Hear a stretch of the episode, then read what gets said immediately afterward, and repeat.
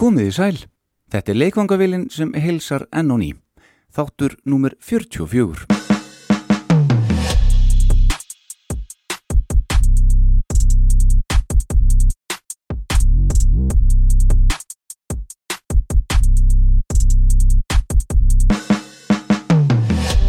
Ég vil þakka fyrir góðar viðtökur á síðasta þætti sem var fyrsta svo kallaða Jónsmessa þar sem ég fæ tónlistarspekulantin Jón Agnar Ólason til liðs við mig. Saman tökum við fyrir tónlist úr öllum áttum en með ákveðið þema í hverri messu sem Jón Agnar einmitt velur. Síðast grófum við upp ímislegt frá 90s áratugnum sem fjall afar vel í kramið hjá hlustendum ef marka má þau skilaboð sem ég hef fengið send frá ykkur. Það verður ekkert messufall í þetta skiptið. Það er önnur Jónsmessa og það ekki af verri endanum. Við getum kallað þetta hliðarspor, spin-offs eða bara hliðarverkefni. Allt er þetta í bóði Böttvæsir Bútvar, léttul sem áður. Gjöru svo vel.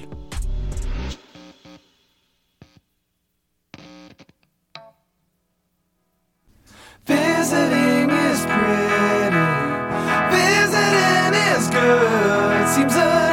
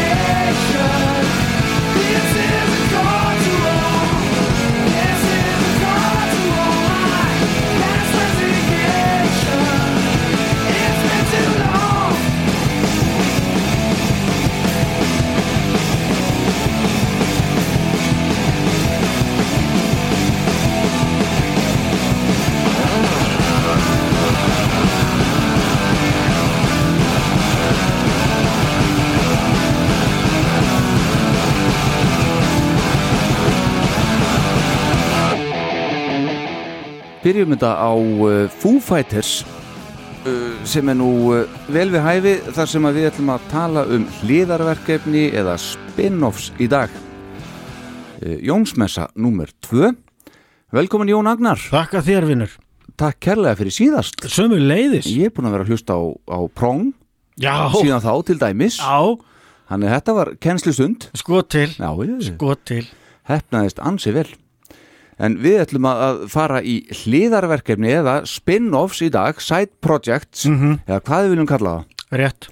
Uh, hóðum þetta eins og áður sagði á Foo Fighters og, og síðan 1995 þetta er sem sagt eða að segja spin-off frá Nirvana. Þetta er Dave Grohl sem að syngur þarna spilar öll hljóðfærin, stýrði upptökunum og ég veit ekki hvað og hvað. Já, hann er svona svisnesku vasanýfu sko. Eh, pínu þannig, Já. akkurat vel orðað. Mm. og þetta er sem sé tveimur árum eftir inn og teru kemur út og aðeins um einu ári eftir að Kurt Cobain lætu lífið. Mikið rétt. Og þessi plata fór óvænt eh, að honum og óverum allavega Mhm. í platinum bara all over. Já, þetta hitti eitthvað streng hérna Já. Það var eitthvað eitthvað svona galsi í fúfættir sem ég held að hafa verið daldið, daldið svona mm, þakklátur eitthvað neginn eftir allan drungan í grugginu. Já, þeir voru bara eins léttari á því. Akkurat. Það var léttari stemming og menn leifðu sér að brosa og þetta gekk ekki allt út á eitthvað dauða og djöful. Mm það var alveg hægt að rokka en hafa samt aldrei gaman af. Já, já, þannig að þetta, þetta spin-off hans Dave Grohl það lukkast nú býstna vel. Þetta hefur verið talsvert lengra verkefni heldur en Nirvana urðu. Já, heldur betur. Og eins og segir, svona gleðilegra. Það er svona þegar að fram í sæki líka, þetta er allt öðruvísi heldur, hann er ekkert að feta eitthvað nirvana slóð hann Nei, það er það ba- bara ekki. Ég hugsa að það sé kannski stóra ástæða fyrir því að þetta lukkast vel og varð uh, lengri tíma verkefni að hann er ekki að reyna að búa til eitthvað skonar Nirvana 2.0 Akkurat, þetta er bara allt, þú veist, það er verið að rokka Mhm. maður lifandi en þetta er samt daldi öðruvísi nálgun og, og, og bara vel hefna eins og Plötusalan hefur sínt alla gutu síðan sko. heldur betur. Uh, En velkomin í þessa aðra Jónsmessu Jú, takk. Þetta var nú bara svona rétt til þess að vera með eitthvað kick-off Heyra aðeins hvað við ætlum að fara út í Foo Mhm. Fighters er gott dæmi um spin-offs Príðist dæmi um vel hefna spinn Heldur betur Og er allt vel hefna sem við tökum fyrir í dag, finnst þér? Uh, það svona knýr okkur eiginlega út í pælinguna hvað er vel hefna. Já. Er það vöndu músík, er það plötusala, Mm er það almenn vittneskja um verkefnið? Ég held að sumt af því sem við ætlum að skoða í dag og spjallum og spila sé nú ekki á allra vitorði sko. Jafnvel þó að mjög þekktir einstaklingar séu uh, á bakvið verkefnið. Akkurat jafnvel sko heimstæktir menn sem, tja, og konur sem hafa sko platínusölu markfalda á bakvið sig í sínu aðalverkefni en finna ykkur hluta vegna hjá sér nöðsinn til þess að fara í eitthvað aðeins annað annarkvort meðfram eða í kjölfarið á ykkur öðru til að fá ykkur skonu rútrás fyrir um, sköpunagliði sem þreifst ekki í aðal projektinu Akkurat kannski er Dave Grohl bara mjög uh, svona léttur á því skulum við segja. Það var ekki mikið pláss fyrir það í Nirvana. Nei, nei, ekki mikið. Nei, nei. Og hann, hann hefur alltaf verið bara alltaf í gleðinni Já, finnst mér með Fighters. Algjörlega. Það hefur, verið, hefur verið létt yfir kallinum og, og, og ég man bara ekki eftir neittni svona óáran eða leiðundum fyrir en hvað hann blessaður hérna Taylor Hawkins. Taylor Hawkins. Fjall bara öllum óverum frá. Það var svona í fyrsta skipti sem ég maður tengdi sko fúfættis við eitthvað skonar eitthvað, eitthvað pínun svona neikvætt og, bara, og sorglegt sko. Akkurat. Annars voru þeir bara bara bullandi glaðir sko. Mm Og erum, og erum- vonandi. Já, A- a- akkurat. vonum við. Herðu, ok, þá skulum við hefja leika Jón Agnar. Jam, Við, hérna, þú ræðir málefninu eins og alltaf í Jónsmessu. Já. Þú, þú ákvast myndum taka fyrir spin-offs í dag. Jú, í stuðsnafni. Já, akkurat, og ég fór í uh, leiðangur og fann til hérna nokkuð spin-offs og, Mhm. og við ætlum að gera svo síðast Við ætlum að skiptast á rétt. Og uh, ég skal byrja. Hvernig hljómar það? fyrir alla muni, hvað ertu með gott? Eh, Ég er með hljómsveit sem var stopnuð árið 2001 Mm Chris Cornell Já. Sound- Soundgarden heitin, já og Tom Morello Rage Against the Machine mm Comerford, bassalegari Rage Against the Machine -hmm. og Brad Wick uh, trommalegari, Rage já, Þetta er sem sagt uh, Soundgarden og Rage Against the Machine saman. Spin-off uh, úrvarð ádióslif. Supergrúpa heldur betur, þetta orð hérna supergrúpa eftir að koma oft fyrir í dag, held ég. Mhm.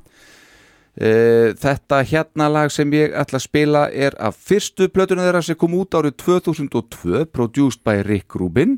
En ekki hverjum. Fór í þrefalda platinumsölu í bandaríkjunum og platinumsölu í eh, Englandi ásamt því að selja stöðu bara gríðarlega vel allstaðar annar staðar í heiminum.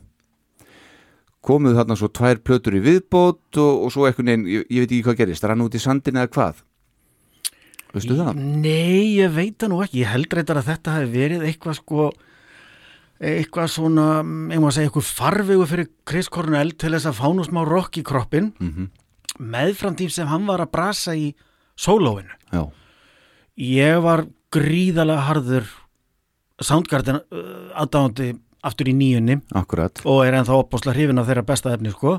Hvernig fór þetta í þig? Uh, ég, þetta var náttúrulega kersla og ég var mikill aðdáðandi líka reyts að kjænst með sín þannig að mér fannst þetta brjálega sláhávert þetta kom fram. Ég svona fagnaði þessu á þýlitinu til að mér fannst uh, sólóefnið hans Cornell sjaldnast neitt sérstakt. Mér, ég bara skildi ekki alveg hvað hann var að gera þar. Hann var bara greinilega með þörf fyrir að búa til svona eh, nánast akústíska hálgerða bara einhverja, ég veit ekki hvað að kalla svona hálgerða country blues stundum sko. Ég fekk ekkert út úr því. Þetta svipað, eh, þetta minnir mig á þessu að segja Mm. Þegar að tankjan söngari System of a Down fyrir að gefa út sitt sólóefni, heyrður það? Nei, ég hef ekki til bara eitthvað svona allt annað sem að ég tengdi aldrei nei. næ ekki að tengja við það sko. Þannig að það kannski sama hjá þér þarna. Já, og sko, Cornell fór í furðulegar áttir á tímabili, hann gaf út plötu, ég held hún hafi öll verið pródúsirið af af uh, Timbaland held ég, sem er bara hip-hop, eða svona, já, hip-hop pródúsir sko, Mhm. sem ég hef ekkit sérstakt álita á þannig laða sko, margir af þeim eru snillingar, mér er aldrei þótt hann eitt sérstaklega skemmtilegu sko, ég held ég sé að fara rétt með þarna sko, ok, og það var bara pff, agalegt efni sko. hann að reyna væntalega að gera eitthvað svona eitthvað Já, nýtt, við- nýjan hljóm. Já, ég veit bara ekki hvað vakti fyrir honum. Ég meina, maðurinn var með meikið á bakinu, þú veist, um 15 ára eitthvað, Aha. jú, ég hann, það eiginlega getur ekki verið. Hann, en að hann hafi verið að gera eitthvað sem hann virkilega langaði, Mhm. Því það er það sem einkennir mikið af því sem allan að ég er að koma með á borðinu í dag, það er augljóst að einstaklingar fá ekki farveg fyrir einhverjar leyndar þrár og, og einhvers konar mm, sköpunarkraft í sínu aðalprojekti svo þeir stopna eitthvað á skjá, eitthvað á ská Mhm.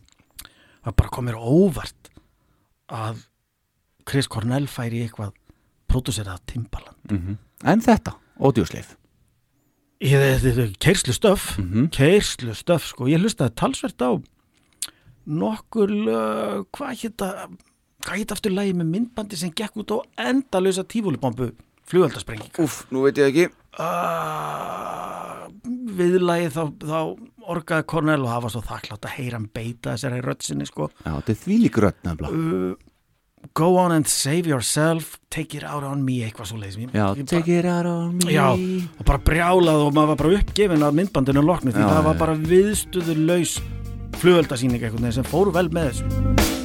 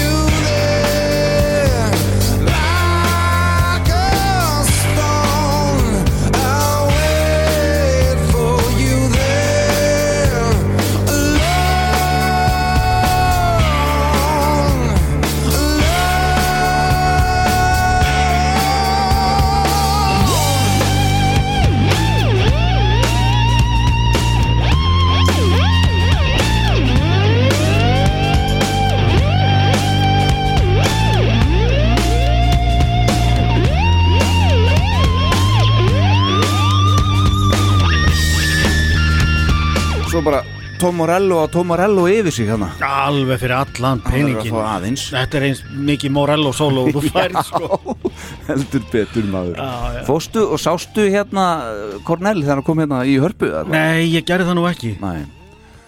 ég gerði það nú ekki en það heldur. held ég að stopnina því sem hann var að spila hafi nú verið sko hafi nú verið solostoff þótt Mhm. hann hafi eflaust tekið eitthvað af Soundgarden-dótinu í bland Já, Black Hole Sun, heldurðu? Já, ég hefði verið til í að heyra hans syngja hérna Mind Riot Mhm. af, af Bad Motorfinger það er alveg rosalega flott lag og Tók hann það? Ég veit það ekki, ég, mér finnst það mjög líklegt Mhm. ég veit um fólk sem kom út á þessum tónlingum með stjörnur í augum sko. Já, já.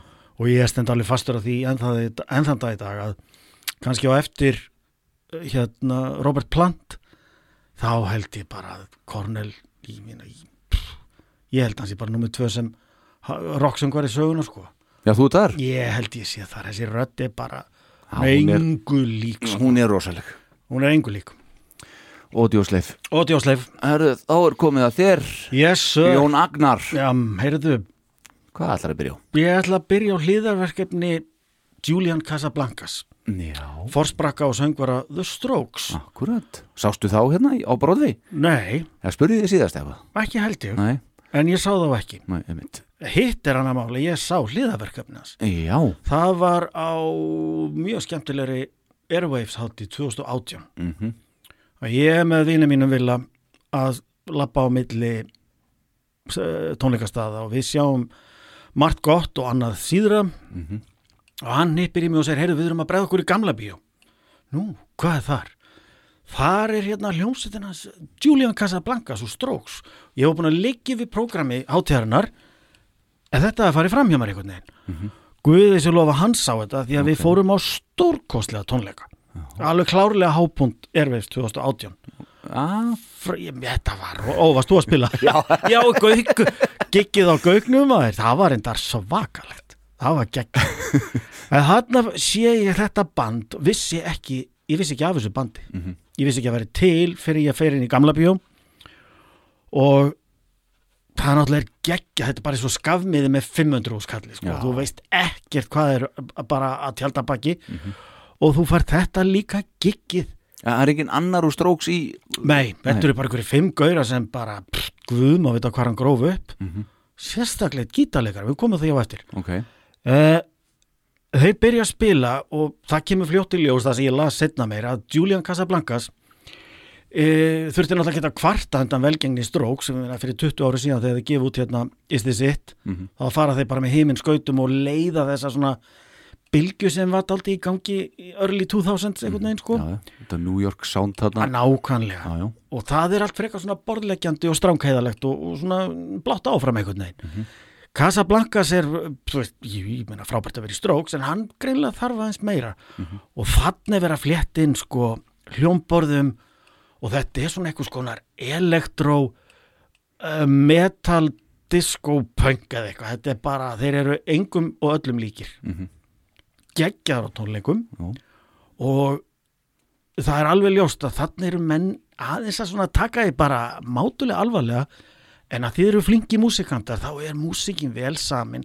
Þeir hafa vit á sándi og útkoman er bara ógeðslega skemmtileg og það finna er að um leið og það er ennþá meiri galsi í þeim en Strokes, The Strokes er alveg þú veist mátulega léttir á því. Þarna verður svona galgópa hátturinn ennþá meiri. En í hináttin er þetta ennþá er þetta líka sko talsveit hættulegra band heldur en Strokes. Það er svona eitthvað, jú, þeir eru mikli sprellikosar, en þú veist ekki í hvað áttir þetta geti farið sko. Og við uppskárum hérna frábæra tónleika og eitt af því eftirminnilegasta er að Villi sem ég var með, hann nippir í mig á kannski öðru lægi eða eitthvað svona og segir, heyrðu, heyrir ekki þetta grínast með hennar gítarleikara? Þetta er Frank Zappa sjóreikin og ég horfi upp á svið og bara er það sem eftir lifið tónleikana með svona kumrandi hlátubilgjur í magan því þetta er Bara útlitið þá eitthvað útlitið maður Já. lifandi Já, og ef, þú veist, fyrir þá sem ekki þekkja hljómsveitina The Voids Mhm. með setu í endan ég bara mana hlustendur til að googla bandið Mhm. og þeir þurfa ekki að kíkja á, á hópmyndina þeir eru sex í þessari hljómsveit þeir eru ekki að, liggja yfir henni til að sjá hver að þeim er, er uh, Jeremy Gritter gítarleikari sem er Frank Zappa sjóreikin sko. Mhm. og þetta er þetta var geggja en þeir eru frábæri á tónleikum og lægið sem ég byrja á því að hrista fram úr erminni heitir Curious Mhm. það er enda skrifað aldrei merkilega en framburinn á þessu er Curious og þetta er kannski ágætist dæmi um músíkina sem Julian Casablancas vill vera að spila þegar hann er með The Voids þetta er miklu lausara allt í reybunum heldur en Strokes það er elektro í þessu þetta er með vocoder hérna þrættri rödd og, og svona bara, það er öllu flekt í veggin og sem betur fer tollir megni að því upp á vegg. Og þetta er, þetta, er, sko, ég hlusta á þessa plötu bara mjög reglulega enn þann dag í dag. Þetta er svona eitt af því sem ég hef tekið með mér af Airwaves heimsóknum mínu sko.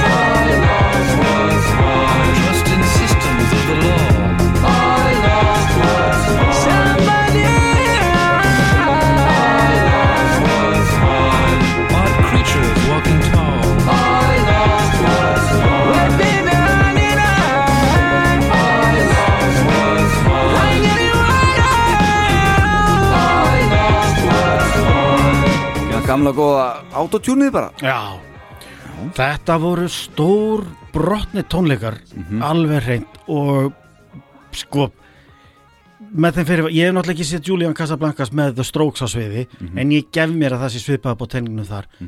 Þegar hann var með The Voids sko þvílík stjarn á sviði sem já, gaur er. Það var líka á brotvegi sko. Ert að grí hann var með svona stór 80 sólgleru í einhverju stuttarambúlu, einhverju leður vest ef ég mann rétt og bara það er samátt hann hefur verið klættur í bara svarta ruslapoka.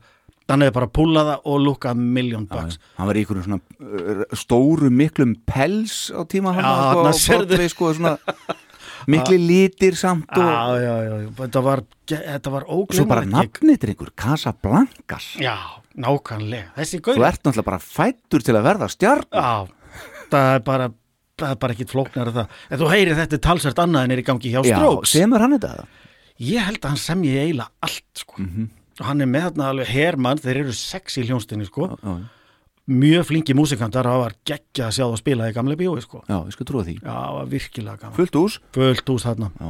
út með annarlega með þetta já, með datt í huga að leifa einu öðru að fylgja með bara til að sína svona hvað er í gangi og svona geirnegla þessa pælingu heimum hvað þeir eru flinkir að semja. Þannig er svona komið smá sækadelja inn í sko og það er smá autotune í intróinu líka.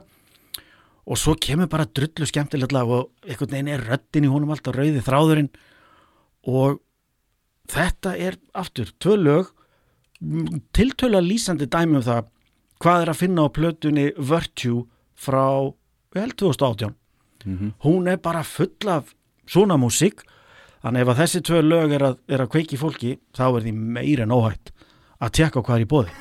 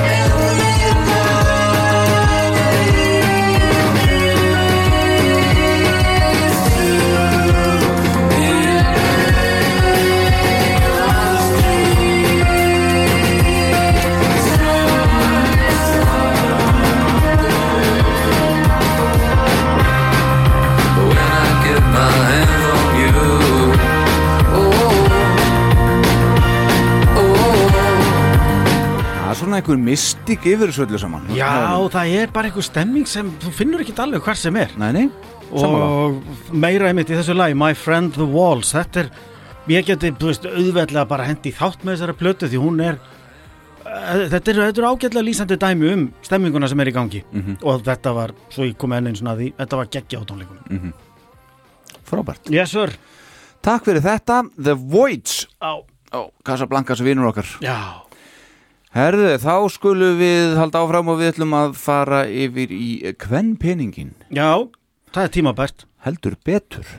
Uh, Þetta band kom til tals í uh, Jónsmessu 1 Já, býtu hvað eru við að tala um?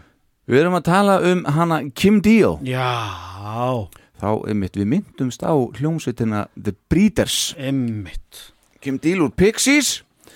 Uh, Þetta band er stopnað 1989 og þarna síðan mér kom einmitt Kelly Deal, gítarleikar og sýstir hennar inn í bandi líka. Já, tvíburasistir Tvíbura sýstir Já. hennar, nákvæmlega höfum þetta allt rétt. Emmitt Þetta band gaf út fimm breiðskifur og þrjár EP-plötur að ég held. Já, Lægi sem ég ætla að spila er sennilega hittar en þeirra uh, Það er af annari breiðskifinni sem kom út 93 Fyrsta platan 90 Svo kom ein EP og svo þessi. Mhm. Uh, Fór í platinum en ekki hvað í USA En þetta band uh, Breeders lögðu svo að mestu svona upp laupana hann árið 2003 en tóku svo á ný en ekki hvað Jónagnar En ekki hvað. Tóku upp hljóðferðin á ný 2008 og eru enn að. Og síðasta platan þeirra kom 2018 Já, virkilega. Já, og smáskifa 2021 Já, svo það er bara, þetta er, þetta er virkt band. Já, einmitt. Þannig það er þetta að fara að tjekka, tjekka á því. Óhætt að gera það. En það er náttúrulega, við þurfum ekki að spurja að því hvaða lag ég ætla að spila. Þú lítur að gíska á það. Já, með datta nú í hug en það er ekki annað hægt, þetta er algjör mega smellur. Já, hefði geta passað í síðasta þátti líka þarna. Og maður tala um hérna Já. 90s sko, að einhverju leiti Já, já, alveg klárlega. En þetta er, þetta, er- þetta er dásalegt band Þetta er svaka fínt band, þetta lag líka Þetta var svona lag sem Já, Það voru allir sem fíluð þetta. Það var alveg sama hvort þú varst upp á pop eða rock höndina frá degi til dags. Þetta var svona eitt af þessu lögum bara pínu eins og smælslag tínspirit Það bara, bara braut alla múra að fíluð þetta allir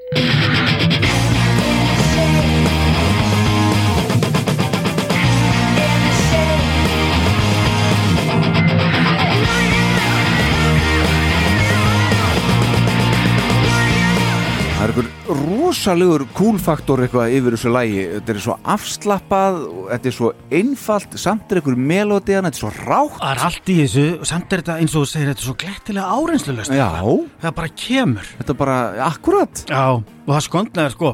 Ég var voða glaður þegar ég svona komst að því að Kim Deal væri með annað band í gangi af því að ég elska músíkina með Pixies, Já. það sem hún syngur. Já, hún er æðislega söngkona heldur Og- betur, sammála því. og þarna sko er hún bara með rhythmagítarinn Mhm. það er það, hérna hvað Josephine Wicks held ég Mm. sem er bara bassalega og Kim Deal er ekki bassalegarinn í bandinu. Nei. Kelly Deal tvíbarasistir er, er svona lít gítalegarinn Mhm. og svo var eitthvað dutti um, Ég er ekki með það. Jim McPherson Já, þú bara náður þetta aftur í nakka Já, það var eitthvað í ykkur heitlu Ég kefti þessa blötu á sínum tíma Já, og hlustaði á hana í það rast Ég hlustaði Henni rosa var stólið af mér Nei, Jú, bílnum, maður átti, maður stuð plötunum voru út um allt í, eða diskarnir út um allt í bílnum hann að það fyrir sko? Já. Já, já, þetta bara þetta og þessi plata sko ég stundu finnst mér eins og The Breeders séu að ósekju köllu svona eitthvað one hit wonder. Mhm. þessi plata er bara full af Já, ofbáslega fítni músík. En það við ekki að hafa þetta með í síðasta þetti Nei, Nei. það var aðeins svo mikið í þessu sko. Ég var aðeins skammaður eftir síðasta átt Jæja, fyrir hvað? Já, það f- Tökum það eftir. Og við tökum það eftir. Skal, skal segja þér allt, allt af því hérna eftir. Já, en það er vel þess verið að minna fólk á að tekka á plötunni Last Splash með Breeders því þetta er bara frábæð plata. Heldur betur. Og hefur haft áhrif sko talsvægt meira en kannski margar grunar. Mhm. Hva, Hvað meinar þú? Uh, The Prodigy. Mhm. eitt þeirra frægasta og vinsalasta lag er smellur frá allas ekki, voru 96 Mhm. Firestarter. Já, gítarinn sem er undir í því Mhm. sem er svona kvín allandi Mhm. það er úr lægi kemur þetta aftan á mér. Það er af lægi sem sagt með bríters af þessari plötu, það er bara samplað ok. Bara bakbeinið. Já, bakbeinið í Firestarter. Mhm. það er úr lægi með Breeders sem ég það bara aðeins að róta hérna í rolleiteskinu og að tók hvort ég, ok, hvort ég hérna mm, á meðan þú gerir það. Já, takk, þá ætlum ég að leifa þar að uh, smá spin-off frá okkar spin-offi hérna. Það gæti ekki verið meira viðeigandi. Akkurat, þetta er af sóloplötu sem kom út árið 2004 og heitir Asshole. Þetta er eh, engin annan, annar en hinn tungulibri bassaleikari Gene Simmons úr Kiss. Hvernig dattir í huga að spila? Hann tekur einmitt fæestartar starter og þetta er, ég held sér bara sama undirspil og, og Prodigy er nota, ég sverða ég er svo sem ekki stúdiraður voðalega mikið. Og hann syngur að þetta er hræðilegt. Er þetta alveg agalegt? Já, já, það eru ykkur ég kiss, kissaðdándur sem að munu skamma mig fyrir að spila þetta. En ég verða aðeins að vera að heyra þetta. Takk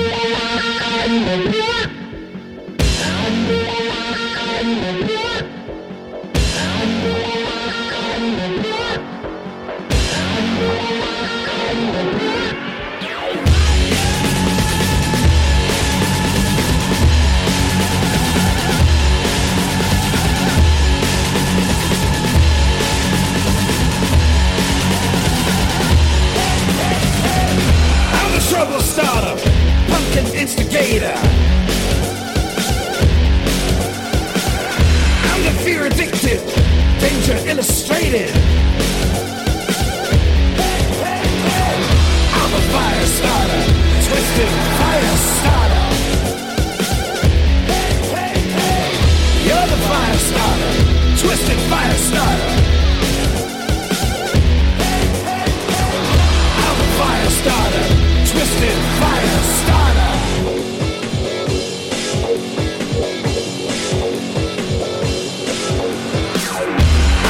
You hated, filth infatuated.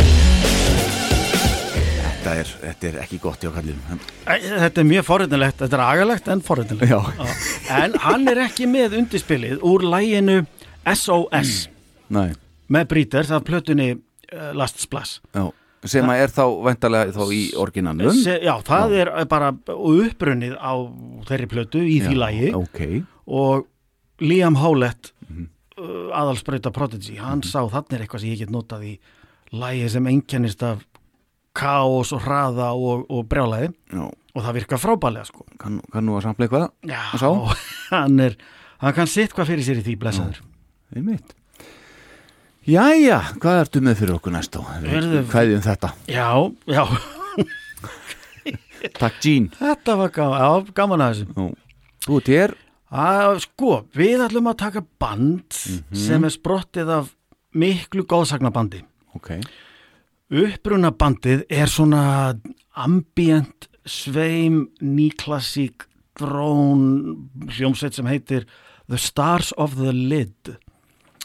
Og nafnið er sem sé komið þaðan að þegar maður lokar á sér augunum þá byrjar að sjá stjörnur eftir smástund. Þetta sérst eru stjörnunar innan á auglokinu. nú er ég að prófa þetta eins og allir hinn sem er að hlusta að Helduru. og uh, þetta band er á sínu sviði svona, freka, þetta er góðsagnakent band rosalega mikið látið með það snoppa fyrir því skulum við segja og þar fram til göttunum Mhm. eh, ég var svo lánsamur að sjá þá í hörpu þeir komu hinga til lands og spiluðu á tónlistarháttið sem Sigurósar menn stóðu fyrir eh, í desember 2017 og hér norður og niður. Mm Já, einmitt, mann því. Ég, og þar var margt, margt hérna, mm, góðra mann, Jarvis Cocker kom, kom og fleiri og fleiri. En ég var búin að vera að hlusta í tölvöran tíma ég uppgötaði þetta band, þetta band uh, Stars of the Lid 2007 þá gáfuður út ég síðustu breyðskifuna sem hefur komið með þeim sem er algjört meistarverk og heitir And the Refinement of Their Decline. Þungmusík og þetta er svona, mm, svona nýklassík getur við talað um. Þykk fljótandi uh, mikið fyrir þessu haft og, og minnst þetta að þetta er algjört uppáhald hjá mér. Uh, bandið skipa þeir Brian McBride og Adam Wiltsey. Adam Wiltsey þessi hann er í svona hliðaprojekti sem heitir því þjálanafni A Winged Victory for the Sullen eða vangjaður sigur fyrir hinna fullendu mm bara að, því af hverju ekki? Einmitt. Gaman að segja frá því að ég fengi með nokkra bjóra með þessum mæta manni. Þannig var að ég var í alls ótengdri vinnuferð í Brussel og uh, fæð þá tölvupóstur á þáverandi vinnuveitanda sem var Árvakur HF útgáfélag morgunblassins og þeir segja heyrðu, það er hérna verið að skipuleggja við vorum að fá fréttatilkynningum um það að Sigurósamenn er að skipuleggja tónlistarháttíð eða svona mínifestival sem verður bara í, um hávetur í desember hérna í hörpu. Heitir Norður og Niður og þar spilar þessi og það spila hinn og þar spila og þarna bremsaði ég The Stars of the Lid Mhm. og var ekki til í að taka síma viðtal við annan þeirra? Ég náttúrulega tókst allur á loft að ég sitt á okkur hótelherbyggi út í Brussel. Og þá rifjast upp fyrir mér. Adam Wiltzy býr í Brussel. Brian McBride býr eitthvað í Texas segir maður rétt en Adam Wiltzy býr í Brussel. Og ég finn náttúrulega að plotta með það sama. Ég er með símanúmer til þess að tekka á manninum er hann ekki til í símaviðtal. En okkur að taka símaviðtal þú getur tekið viðtal yfir einum bjór? Rétt. svo ég sendi honum bara hérna texta uh, SMS og hann bara er hinn hressasti bara líst frábælega á þetta og að fá leiðsögn heimamanns um bjór himnaríki Brusselborgar eru þetta bara svakalegt þegar í ofanálag þú ert að tala við eh, svona hálpartin eitt af tónlistargóðunum þínum þá þarftu náttúrulega að hafa þið allan við til þess að vera ekki fullur og vittlus og missa því einhvers konar stjörnu eitthvað svona stjörnuslætt eða eitthvað svoleið sko. Selfie moment, eitthvað. Ég leta eftir mér, ég skal Já. bara viðkjanna Já, já. ég gati ekki hann að monta með þessu. Nei, nei. hitt er hann að mála, ég veist að fæstir af þeim sem lækuðu af svona kurteisi á Instagram. Þetta er ekkit hvað gaurið þetta er við lína Já, það er svoleiðis, já. ég hugsa það. En við hittumst, spjöllum hann var hinn allra all, alltíðlegast og skemmtilegasti. Og uh, því spurðan fyrir rest hvernig er það? Á ekkert að gefa út áður nefnda plötu and the refinement of their decline. A, hérna hvar fæ ég hann á vínil? Þá sagði hann, heyrðu ég á eitthvað vínil heima. Þannig að þegar viðtalum og lokið þá bara lappaði ég með honum heim. Hann sjálfst ekki verið búin að taka til eða verið með þvottin úti eitthvað því hann lef með býð út að stjætt Mm, En hann fór inn og hann kom bara með bunga vínil handa mér út. já. Reyndar ekki þessa tilteknu plötu en tvær af þeim af einhverjum fimm sem hann gaf mér eru með þessu hliðarverkefni að Winged Victory for the Sullen. Og þá kynntist ég því og ég er búin að hlusta á þetta át í að óendarlega og þessi músík fer frábærlega á vínil. Þetta er svona þetta er ekki dansmúsík. Við skulum Nei. bara afgreða þann hafi eitthvað velt í fyrir sér, þetta er ekki dansmúsík þetta er best af öll að hlusta átt í góðum headphoneum og hún er frábær á vínil nöys þygt sound ofbóðslega dramatíst og, og svona mm, ég segi ekki þrúandi en það er, þetta hellist aldrei yfir mann. Og ég færi á þetta band live samstundis ef mér gafist færi á því. Þannig að við erum aðeins að draga niður í taktinum með við það sem við erum búin að vera að spila hinga til. En það verður þá bara að hafa það að fólk verður bara, nú, nú reynum við aldrei á hlustendur. Já. hérna er ég búin að draga upp á pússi mínu lagið So That The City Can Begin To Exist af plötunni Invisible Cities með A Winged Victory for the Sullen plata sem kom út 2020 ætla ég að giska á. Ég held það. Og þetta er svona daldið daldið dæmigert lag þetta er svona mikið 21, hrykjaði á því. 21, já, alltaf gott að vera hangar til að svona heldur manni auðmjögum að hérna þannig eru svona þungir og dramatíski strengir undir. Mhm. smekkví svona pianomelodi ofan á og fólk eh, sem fær bara ekki gæsa húða á framhandlengina þú veist eftir einu og hálfa tvað mínútur af þessu það er þá bara eitthvað, það er eitthvað það á eitthvað ólært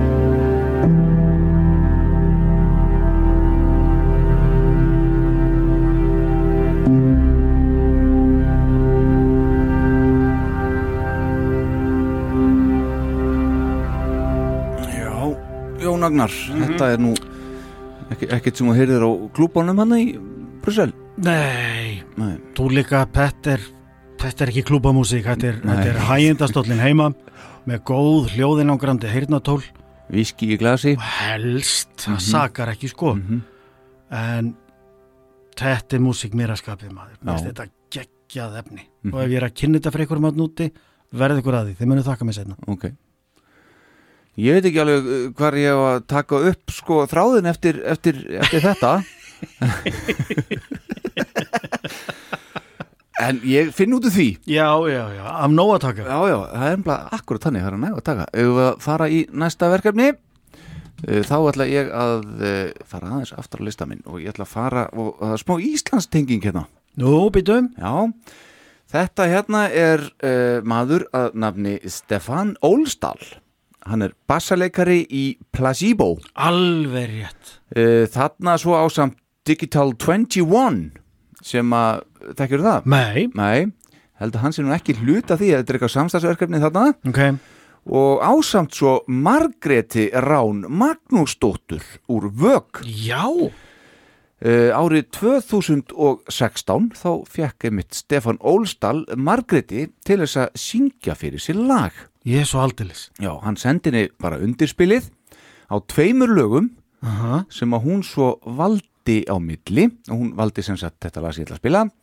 Samdi laglínuna að eigin sögn og textan á eiginlega bara 0-1 Wow, og sendi tilbaka. Og Stefan og Digital 21 svona himiliðið með hana fengar hana til London þar sem að hún kom svo fram á einum tónleikum með honum og þar sem við fluttuðu auðvitað þetta lag.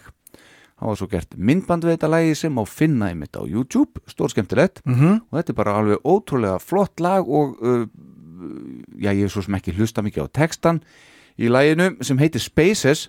Mhm. En, en laglínan hins vegar gerir ofbóðslega mikið sem að hún Margaret uh, samdi og ég sá í krónunni hérna bara rétt á hann hérna í Hafnafjörði, Já, hvar annars það er í hafnafyrir skemmtileg tengingmaður En þetta er, ma- þú ert að segja mér bara fréttir. Já, við að- hlusta á þetta? Þetta er stór skemmtilegt Bara býðspendur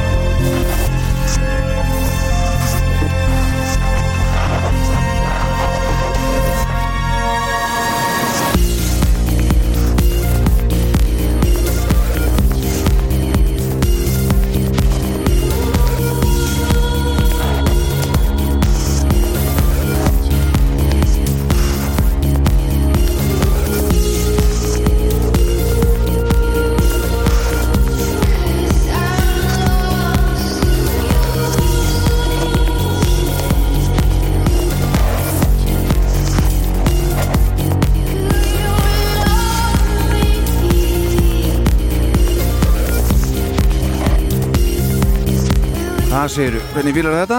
Ég fíla þetta í botmaður Já, þetta er ofbáslega flott Ég er bara alls Hún er svo með þetta Já, alveg bara burt sér frá því hvað hún er frábær söngkona Mhm. Það er uh, yfir, yfir allt álit hafið hvað Margrét Rán er flottu söngvari Mhm. En ég bara fara að henda þess á, á bara þar til gerðan playlista með svona högþungri elektrónik sko. Akkurat, Þetta er geggja lag þetta er það Og, og svo er önnu tenging hérna þegar við vorum að tala um Brussel Rætt Það er nú einmitt staður sem að þeir gengu saman í skóla sem börn Stefán Olsdal og Brian Molko í uh, Placebo. Ok, á þess að kynnast. Virkilega. Já, svo er ekki fyrir síðar sem þið kynntust. Já, Þetta lag var vel spila, drengur. Já, Mjög ánægð með þetta. Gott að heyra Þá þarf þú að fylgja þessu einhvern eftir. Ég held að ég náð, náði nokkuð vel að fylgja eftir þessu lagi, þessu þunga sem Þetta var ofbóðslega flott beint framhald. Já, til að trappa okkur upp og ný. Já, þú bara bættir í bítið en annars var stemmingin bara E- e- Sú sama? Já, veistu, ert efni DJ drengur. Gott ef ekki. Þetta var geggja flott. Heyrðu, næst Næst er það maður sem ég hef mikla mætur á. Ok, Hann heitir Jeff Barrow. Hann er sem sé helmingur eða þriðjungur eftir hvernig á það er litið að þeir eru svakalegu sveit Portishead. Já, Portishead er bara hljónsett í stuttumáli sagt sem bara breytti leiknum þegar þau gáðu sína fyrstu plötu 1994 bara fyrir mér þau breyttu bara öllu. Og uh, ég eins og bara heimsbyggðin meira minna kolfjall fyrir plötunni Dummy. Hlu- hef hlusta á hana stöðugt já, já. bara síðan hún kom út. Svona plata sér fyrir reglulega á. Algjörlega. Og það finna er nú samt. Ég held að vinsældir almennar vinsældir Portishead hafi komið Jeff Barrow nokkuð á óvart. Mhm. ég man að eh, bandið hlaut Mercury velunin fyrir þessa plötu sem er sko svona eiginlega besta platan sem selst í minna en 500.000 eintökum. Svona til að vekja aðtekla á plötum í Englandi, að Breitlandi sem held ég ná ekki gullsölu þannig að minna en 500.000 og þá er plataðin gjaldgengi Mercury og þegar Portishead vinnur þessi velun þá virkaði hann ekkert svona ég vissi hress með það. Hann var svona bara daldi hissa. Já, já svona eins og bara kæmi daldi á hann þú veist það er ekki eins og að fá að vita þetta beint um kvöldið. Og hann er mættur á staðin en þegar hann og, og Beth Gibbons söngkona fara upp á svið að taka við þessu þá er það svona daldi eins og ég veit nú ekki alveg hvað meiningin er með þessu en á hverju segiru eftir hvernig lítum á þetta Viltu ekki telja hann hérna gítalegara með það? Adrian Ötley Adrian, já Sko ég veit aldrei almennilega hvort þetta er duett eða trí hann er órjúmanlegu partur hann er ekkert alltaf með á myndu með hann eitt sko. Nei, ok. þannig að það er svona, þú veist ég meina, ég hef mikla mætur á Adrian Ötley og gítarsándi hans er ómissandi og allt Mhm. en ég er á því að þetta hafi komið Jeff Barrow daldið í, í opna skjöldu. Þannig að það er eins og þau hafi markvist síðan, bandi hefur nú bara gefið út reyndar þrjáplötur Mhm. en þau reyna að gera þetta svona meira, kannski einhvað að segja ég segi ekki meira óaðalagandi en svona það er ekki verið að henda í hérna mm, plötu umslög þú veist, sem eru líklega til að kveikja upp fílingin í fólki, þetta er allt svona freka bara einfalt og hann var eitthvað tímann hérna hvernig var þetta, að þetta var eitthvað viðtalið eitthvað og e hvort eitthvað fekk að koma inn eitthvað, eitthvað fekk að ringin í útastáta sem hann var til viðtals. Og eitthvað, eitthvað enskona segir að það eru upp á sljóðusti mín og, og við vinkonunar hlustum alltaf á eitthvað þú veist þegar við erum eitthvað saumaklúb eða eitthvað. Og það fauk bara í hann. Við erum ekki saumaklúbsmúsík Nei, þegiðu þetta Já, svona nánast, það bara það er ekki alveg uppleggi hjá okkur að vera að skaffa ljúfa stemmingu þegar það er saumaklúpur Nei. Eins og hann sá þetta fyrir sér þá var þetta drungalegt og þrúandi og Beth Gibbon syngur alltaf eins og það í að taka hann lífi bara eftir smá stund, hún er alveg við það að bara bresta ef ekki grát þá allavega hann að bara bugast. Og hann einhvern veginn sko verður eiginlega fórnalamb þetta er mín persónlega kenning. Þegar ex-kynnslóðin e, ranka við sér 94 að gruggi er eiginlega bara búinn. Kurt Cobain er búinn að farga sér og Soundgarden eru búin að gefa út Super Unknown sem eiginlega bara svæfir allt grugg því þessi plata Soundgarden er svo ofbáslega viðfem og með alls konar einhvern veginn draumum og stefnum. Hún nánast jarða bara gruggið og gruggið er ekki það sama eftir árið 1994 vil ég meina. X-kynnslóðin sem að þið lifað á hörðu rocki, hún er aðeins að fullornast þarna og hún er að leggja til hliðar, segja, vodka í Mountain Dew. Og hún er að fara, hún er orðin, hún er að fullornast yfir í rauðvin og cappuccino. Og Portishead verður einhvern veginn óvart fullkomin músík til að fá sér rauðvinsglas eða cappuccino. Og Jeff Barrow er ekki að fíla það. Hann bara, veist, við erum erfið tónlist, come on! Hvað meinið þið við erum kaffihúsamúsík og bara er ekki að fíla það. Og þetta, þessa ber sérstaklega þriðja plata bansis sem heitir einfallega Third kom úr 2008 og svo síðasta hinga til. Og hún ber þess merki að hann er að fjarlægjast þessa cappuccino stemmingu sem að sumi vildu meina að Portisett stæði fyrir með mjög afgerandi hætt Na, mann er bara ásvoltið heyrir já, sko. já, hún er mjög afgerandi stefnubreiting, skulum við segja. 2009 kemur út fyrsta platan með hliðarverkefni uh, Jeff Barrow sem heitir Beak og þá heyrir maður strax já, hann er að fara með pælingarnar sem var aðeins að var svona að fara að örla á, á þriði plötu Portisett, hann er að taka þetta bara allar leið. Og hún er með drull hvort eitthvað fílar þetta ekki. Hann er bara aðeins fyrir sig. Hann var farin að fikra sig meira á trommur svona undir, ég má segja mm, ekki lókportisett en svona þegar þið voru í það mynd að gefa út þriðuplötuna þá var hann bara búin að koma sér fyrir standandi við svona trommusett eins og, eins og svona bandlítarar eins og það voru kallaðir aftur í 40s og 50s hérna Tito Puente og Shelly Mann og þessi gærar allir sko. Og músikin hjá Bík er eh, alveg bara algjörlega rökrétt, lóðrétt framhald af uh, músikinu á þriðjuplötu Ok. Portisett og hann er bara held ég vísvitandi. Að spila frekar tilruna kenda og svona framústefnulega músík með einhverjum tveimur að þreimur öðrum gaurum og hún gæti ekki staðið meira á sama þótt að sé engin nema þeir fjóri sem fíla þetta. Og ef hann fær spurnir af því að það sé ykkur hópu farin að fíla þetta þá fer hann í bara einhverja allt aðra rátti. En Jeff Barrow er skemmtilegu fýr, hann er aldrei virkur á Twitter og, og, og það er mjög algengt að fólk segi þar, þú veist, hann kommentar eitthvað um bara stjórnmálin í Brellandi eitthvað og þá kemur eitthvað komment please make new music eitthvað svona sko, að fólk að kalla eftir meira portisett efni Já.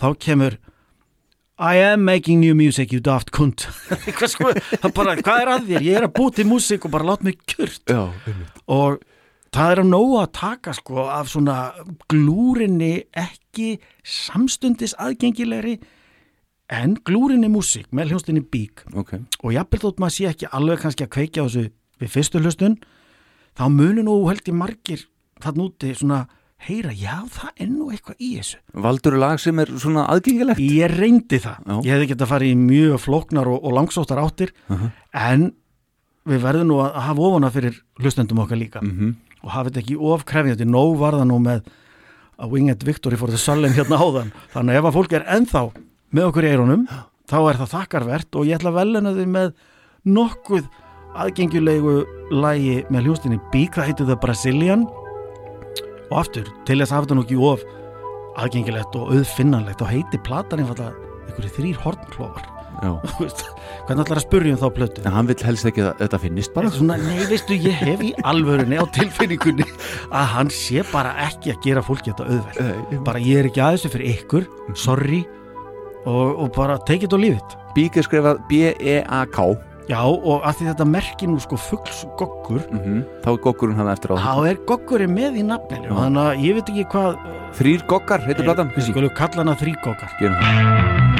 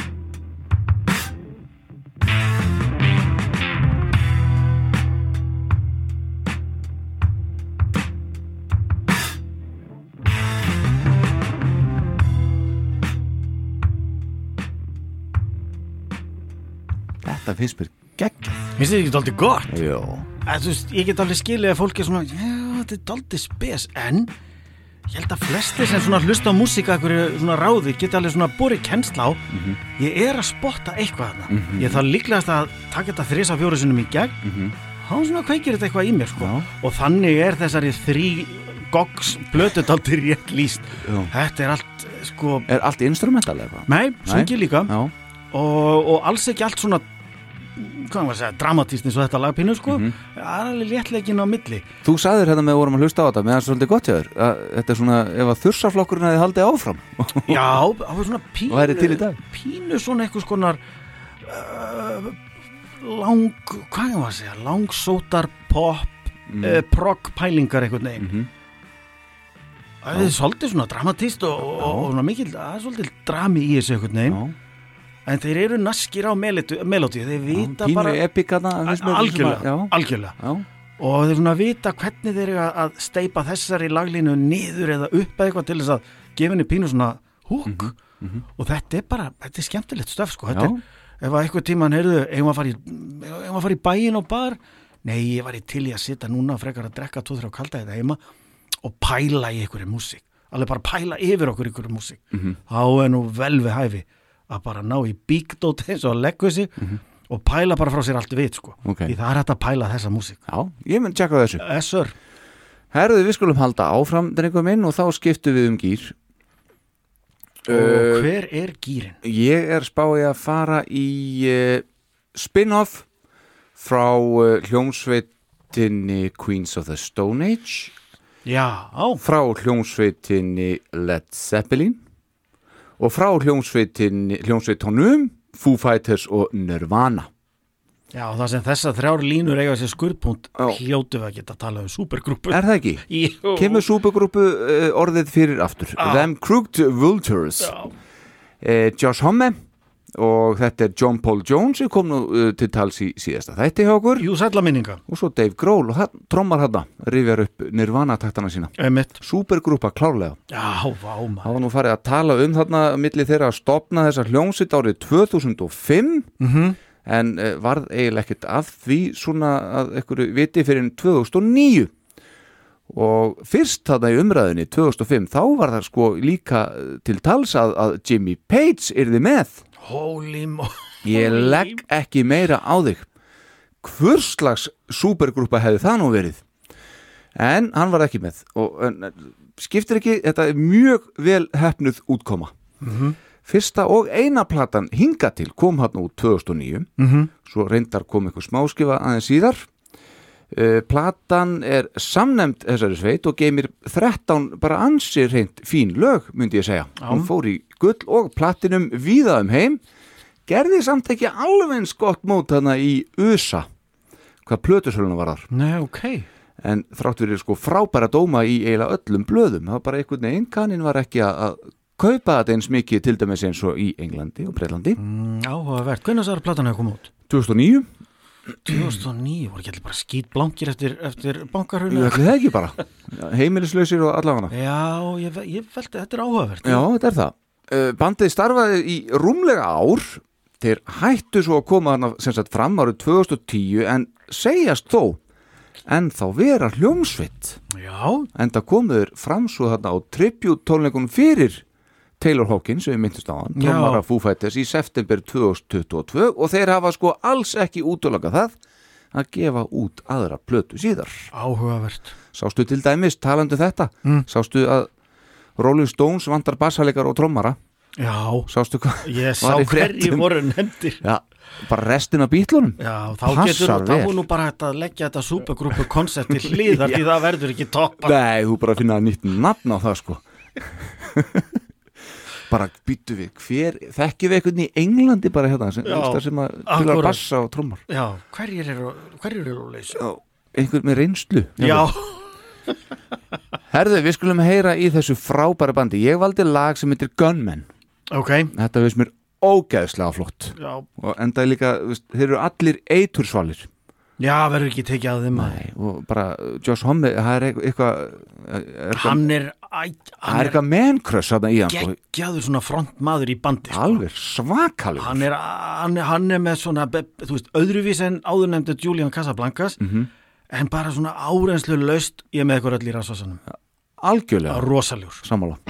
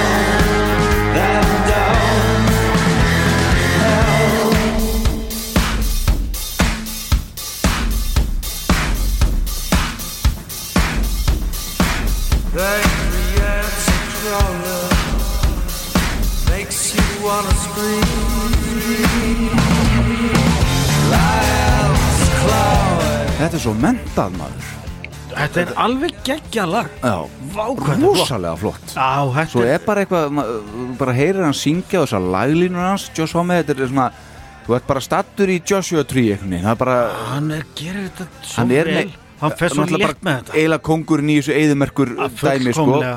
Reyndar, eh, sko, kannski á eftir einum öðrum sem heitir Chris Goss. Þekkjur hann? Nei, býtu ekki fljótu sem er náttúrulega, ég held að hann nú pródusur að fullt þetta með eh, Queens of the Stone Age og oft talað um hann sem guðfæðir svona Desert Rocks. Ah, ok. Og eh, sjálfur fórsprakki í hljómsettinni Masters of Reality.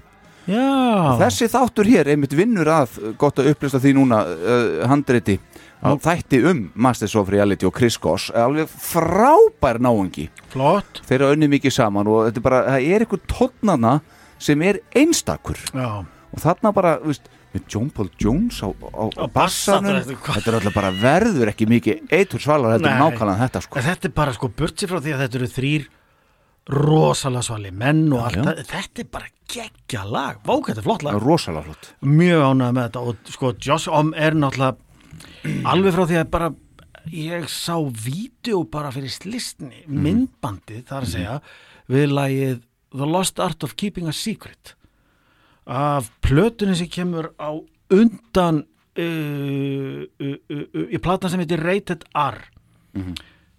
Hún er frá líklega 2001 ah, nei, frá 2000 þetta er plata sem er á undan Songs for the Deaf. Og þar emitt sko, þessi gaur þarf ekki uh, drunur og djöfulgang til að vera svalur. Nei. hann getur sleppt gítarna lausum þegar við á. En hann, hann bara, þú veist, stundum getur ekki útskýrt þetta menn eru bara með þetta. Og bara hann- við komum inn á þetta síðasta þetta Já. bara, þú- stundu þarft ekki að reyna. Nei, og ef þú ert tannig þá ertu bara þá ertu bara settu góð hann er þannig sko. Er þannig. og vákvæðan hefur líka borið ábyrðað mikið að fýtni músík. Já, já, og geggjaður sko, Já. hann er bara eina af þessu stjörnum. Klálega heldur betur. Jón Agnar, hvað ertu með næst? Þeirðu næst ætlum við að við ætlum að halda okkur í, í harðarokkinu, já, það er að segja hliðaverkefni sem er upprunnið í harðarokkinu. Það er að segja. Spennandi. Já, ég var seint í nýjunni að vinna í plötubúi kringlunni. Mhm. og þannig er þetta er setniparturinn af þeim áratu já. Og uh, gruggi er búið að þú veist ganga sér til húðar. Mhm. nema svona eftir á grugg eins og krít. Erðu, ég ætla að skjóta einu að. Já. Manstu, okkur var svona af og til tíðrætt um plötusölu sem svona, Já, já. mm, hvað ég var að segja, mæli hvarða það hvort að bönduðin á árangur í den tíð og komum inn á bönd sem náðu margfaldri platinusölu Mhm. að því fólk var svo rock fyrst það fekk bara ekki nóg af rockinu sko í nýjunni Mhm. e, Sturlu staðarind platan Human Clay með Creed Mhm. ég seldi meira af henni í plötubúðin en ég kunni við að gera. Já. en þú afgreðir plötubúð það, var, það ekki alltaf hægt að hafa vit fyrir fólki. Sú plata seldist í fleiri eintökum en Dirt með Alice in Chains og áður nefnd Super Unknown með Soundgarden samanlagt. Já, já. 11 miljón eintök. Jesus maður. Það er bara allir handbóltumenn í heiminum. Hvað, þú veist, já, stundu skilum maður ekkert, allavega Já. þannig er ég í plötubúðinni seint í 90-sinu og uh, ég fer að taka eftir því að það er að koma svona eitthvað lið af og til í plötubúðina uh, og ég er svona já, hvað okkur allir í ripnum netasokkabjöksum skósíðum, frökkum með eirna, eh, hérna öryggisnælur út um allt andlit og svarta varalit að spurja eftir dóti eins og Marilyn Manson Mm. Cold Chamber Mm. Cradle of Filth Túra Satana og eitthvað svona sjokkrock eitthvað Mhm. ég var náttúrulega alveg upp á fyrri part nýjunar hvað rocki var það og ég var bara vanum fólki sem var bara eins og það hefði verið að vinna út í garði í, svona einhverjum vinnugallaböksum sem voru ripnar og máttu vera óreinar og bara eitthvað köflótt hérna uh, flanelskirta svo fór það bara á svið og rockaði feitt Mhm. En þarna var lið sem var sko þú veist, hvað er öskudagur í mæ eða? Og, og, og, og fólki sem var að hlusta á, á þessa músík og bera sig eftir var sama markinu brend og ég sem er bara, þú veist eitthvað staðar í 20 something sko, ég verð bara miðaldra og verið að hugsa, áttu ekki að vera bara í skóla eða vinna núna ég segi þetta náttúrulega ekki við blessaða krakkana. Nei, nei. En þau voru sem sagt að, daldi mikið eldast í þessa músík. Þarna var sem sagt nýmetallin einhvern veginn að reyðja sér til rúms. Og ég fekk svona netta fordóma fyrir þessari músíka því að ef þú þart að vera með eitthvað sjokk element meðfram og hafa mikið veit að Marley Manson og Cradle of Filth og þessi bönd uh, þrifust á því alls konar. Ef þú þart að fara í svoleiðstriks ætla ég að halda þið fram að músíki sé bara ekki nógu góð. Hún er bara ekki nógu áhrifarík Þannig að þegar einhver tíman einhver, einhver kurtis ungur maður kom í plötubúðuna og sagði eigði nýju plötuna með, eða setni plötuna með korn. Ég hafði aldrei minnst á þetta band. Og fór að tekka á því og hamingin sér lof, hann eru bara menn sem rokka nokkuð þungt. Og þeir allir bara í venlegum fötum og reynda með fléttur í hárinu sem var daldi nýstálega, þeir bara mjög, mjög bara eðlilegir. Mm -hmm. Eður voru ekki venjulegum einhverjum kakibuxum og og svona einhverjum skýrtum þá voru þeir í adidasköllum og eitthvað. Og ég hugsaði með mér, þannig eru menna mínu skapi. Ekki klættir eins og það sé Halloween í mæ eða eitthvað svo, heldur bara ég ætla að tekka þessu. Og mér þótti þetta bara alltaf skemmtilegt. Fyrir mér var þetta headphone músík því kona mín kann ekki með þetta sko. En ég gerði mér, þarna bjó ég í Kópavóginum sengt í nýjunni og gerði mikið af því að fara nýri á Fossvog að hlaupa með korn í eironum sérstaklega uh, þriðjuplötuna Follow the Leader. Mhm. og Hún það var 99, ekki? Nei, 8 98 Já, mhm. og, og svona tekkaði aðeins á fyrstu tömplötunum Korn og Life is Peachy. En ég hlustaði einna mest á þriði og fjórðu áður nefnda Follow the Leader og Issues. Og þótti þetta bara, þetta var pínu nýstálegt bæði að því þeir voru ekki í rakvölablöðum og ruggli sko. Klættir heldur bara í venlegum fötum og bassaleikurinn, hann greip mitt aldrei. Ég er ekki bassalærður eins og þú. Mhm. en það er ykkur og ég ætla bara að nota tækifæri hvað er það sem framkallar þetta ofan á glamur sem er í bassaleiknum hjá Fíldi Þa, það er bara er þetta er ykkur effekt eða eitthvað Nei, nei, þetta er bara, hann er að slá á strengina og, og þetta er bara soundið sem þetta, þetta er hann- tækni sem já, já, já, tækni og ekki bara tækni það er náttúrulega þarf líka að vera hérna, bara græjurnar og, og, og hérna, til að ná fram þessu sondi Já, ok. klárlega. Mér svona, fann- svona í, í sla, slappdæminu sem Já, að, þetta er eitthvað þannig já, svolítið svona blöytt og mikið sko Akkurat, Já, þetta já. er fyrirferða mikið og þetta ljær bassaleiknum pínu aðra vitt já, já. Þannig En, að- en fyrir líka vikið þá var David, trómuleikari heit ekki David minna, Silveri og eitthvað Já. svona sem var hérna á þessum tíma Hann var fann að já, hætta framan af, já. Hann sem sagt var svo með sem hann bankaði á með trommukjónum sko til að ná meiri bassa fram sko, veist, mm, til þess að hjálpa fíldi já, af því að hann var ekki með allan botnin sem þurfti sko, í, á þeim stöðum sem að það Áhugavert. þurfti áhugavert það gerir David sko. Já, það er upprunni í trommunni já. Ég já, ekki á trommarum heldur trommukjónum Í kjöðunum á ég við, já. er hann bara með eitthvað, að hvað þetta heitir svona platta, eitthvað synda Já, einmitt. Ég gerði mér ekki grein fyrir þessu en mér þótti bassalegur dálítið flottur já, já, algjörlega og þegar bestlætur er þetta bara eins og í, hvað ég að segja hvað heitir aftur stóri smellurinn að Follow the Leader uh, Freak on a Leash já, þar heyrist þetta alveg svaka vel og Mhm. sko jafnvel fyrir fólk sem ekki þekki til ég held að margir þegar þeir heyra það lag hugsa með sér þetta er, þetta er haganlega samið og skemmtilegt rocklag sko. Mhm. þannig að ég mér var svona lít til, til korn fyrir tvent að þeir tóku ekki þátt í þessum hérna, þú veist að vera með alltaf svartan varalit og, og, og ripna nettasokkaböksur og eitthvað svona veist, ég náði aldrei leikritinu í kringum Marlin Mansson þú, þú ert að tala hérna beint í augun og kissa þetta sko. Já, en sko það einhvern veginn, mér þótti tilgerðin öll í kringum og þú veist, ég hlustaði á haug af hörðu rocki Mhm. En að þurfa að vera kryttað með þessum sjónræna furðu þætti einhvern veginn. Ég bara kefti það ekki, það, þetta gaf miljónum manns greinilega eitthvað. En Mansson bjóð til samt að varð eitthvað svona, eitthvað træp byttu fyrir þér.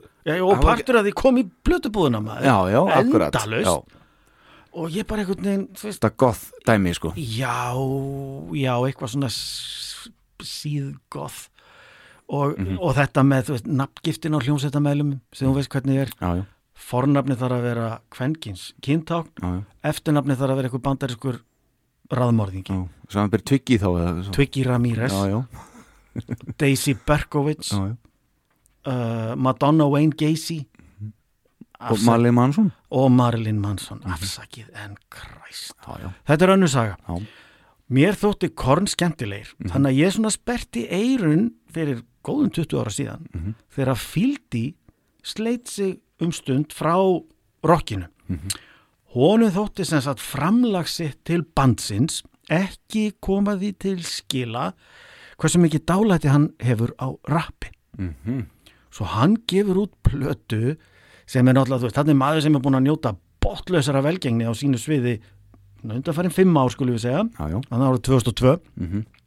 svo hann stopnur svona einsmanns liðaprojekt hann hérna hvað heitir hann aftur? hann heitir Reginald Quincy Arvizu Mm. það er svona hispanísku bergi brotin Já. hann stopnar sem sagt þetta einsmanns liðarverkefni hérna Field These Dreams Mhm. sem er bara rap og þetta er svona pínu svona samfélagsádeilu hverfi mettir í rugli og kona farin frá mér og ég er atvinnulegs og allt í vesinni í bland við svona hvað er maður að segja mm, marihuana söngva eins og Cypress Hill gerðu að Mhm. list, listgrein. Og Er hann að rappa? hann er að rappa. Og hann er hvorki neitt kannski sérstakur rappari. Ég hef aldrei heyrt það. Nei, nýja rýmnasmiður Nei.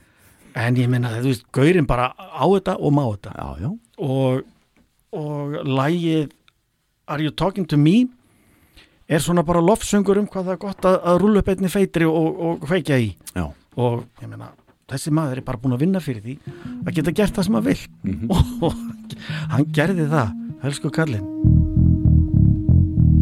Alone at home, laying in my bed, hearing voices in my head. Leave me alone, I can't cope with this pain. Do you feel insane? Do you crave cocaine? Nope, there's other dope, Xanax, Valium, Vicodin, and speed.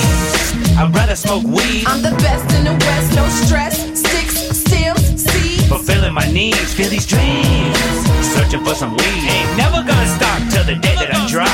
Drop it like it's hot at 12 o'clock on the dot. Meet me at our corner spot. Hell yeah, you're the best treat Ever bought. This couldn't be a sin. Gotta go. Don't leave me again. From Mother Earth I grow like green and pure. You're a marijuana connoisseur, and I'm sure. Then I'ma stay high till the day that I die. With this tilted grin, how could I lie? Smoking on the ganja, smoke when I wanna. You deep pretty leaf, hello fine woman, marijuana sauna, hot box mama, sweet queen leaf. Smell the aroma, sweet as my mama. Take away my drama, the key to be free is to smoke on the ganja, smoke when I wanna. Marijuana mama, falling for these trees, I'm in love with marijuana. Feel these dreams come true when I'm smoking on you. Ain't no weed, got no voice. Come and get me if you want to. Do I have a choice? No, I'm the dope that'll make you choking and broke. Spin your ends and your folks. Before me, you was the shit. Now you dial the joke. Anytime, any place, I smoke a toke in your face till I croak. Ain't no joke, I give in, get you in. Do you love the way I taste? Ooh, I'm the queen of the crop. Blow me in your drop. I'm that bitch you love, and I'm only a bud. Black Dominion, fat sweet tooth indica, Australian sativa, Jamaican sensimilla. I love to smoke the backwood, you always please me. Taste good, look good, smell good. You make me feel good, you set my head straight. Never thought I could fall in love on the first date. Smoking on the ganja, I smoke when I wanna. Þetta er fíldi maður, bassalegar í korn svona líka og það, sko, þetta er samt dásemdin við þetta þegar að menn koma saman úr ýmsum áttum á. smetla saman og byrja að búa til tónlist akkurat. þá smellur það líka þá verður til eitthvað eitthvað eitthvað hérna, eitthvað X-faktor já, bara að- eitthvað galdur. Já, einmitt, það er pínuð þannig. Já, og ég bara, uh, hef bara upplifað það sjálfur sko, Já, bara einmitt. með vínum, vinnum sko, að koma allir úr sikkur áttinni og, og, og eitthvað verður til sem að, sem að s- smellu bara hjá okkur. Og þannig gerist náttúrulega, þú veist Lane Staley sá frábæri söngvari sem er í hugum okkar allra bara. Tengdu við Alice in Chains. Mhm. hann var í einhverju föngbandi þegar Jerry Cantrell gítalegari sér hann og bara hugsa með sér ég þarf að fá þennan mann í mitt band. Já, já, og er það ekki rétt hjá mér að, að hann hérna, Cliff Burton heitinn Mm. hann var í einhverju bandi sem var ekkit einhver málmur sko. jú, jú, jú hann, var í, hann var meira svona glís svona, Já. já það sem voru búningar helst og eitthvað og, og hann var ekki spandex og eitthvað, hann var ekki til í þetta. Nei, hann var náttúrulega aldrei spandex. Nei, og all, alls ekki sko. Og, en ég bara því miður man ekki akkurat núna, gerði nú þáttum hann ég bara man ekki núna hvað bandi hétt nei, nei, en, þú veist, en það er ennþá til. Punkturinn var að það, það, það var engin svona það var ekki þrass í gangi þar sko. Nei, nei, nei, nei, bara alls ekki. Einmitt, en menn bara komu auga og þannig er, veist, þannig er eitthvað sem ég myndi þannig er krydd sem ég vil fá í, í minn pott rétt. Já, og úr var náttúrulega, þú veist, eitt, eitt farsalesta uh, þungarokksband söguna Aldeilis. sko. Já, aldeilis. En svona að því að þú veist, þetta er hann fíldi vinnur okkar. Já, að hann hendir þarna árið 2002 í hvað 17 laga plötu. Mhm, honum lá rappið greinlega þungt á hjarta þurfti aðeins að losa bara um þetta. Já, já góður ekki alltaf verðt og alltaf. Með ykkur öðru en klæðnaðnum, hann har alltaf verið klættur þannig á sviði með korn að heldur kemur ekkert óvart að hann fýlir rap Nei, nákvæmlega, hann er alltaf í, veist, mjög víðum kaki buksum og kannski korruboltaból sko, Mhm. en hann hendir í örstutt, hvað, 15-16 sekundna svona örlag, Ok, hálfgerð svona millibilslag á þessara plötu, Mhm. þar sem hann grípur í bassan eins og til að láta vita bara ef þið glimtuð, þetta er ég Já. ég kanni þá bassan og við munum eitthvað gera meira í korn Já. ég bara, þú veist, a- bara aðeins og þetta er náttúrulega tóndæmi fyrir hlustendur Já. um bassasandi hjá korn hvernig það glimur aðeins í einhverju sandi ofan á þingdinni sko.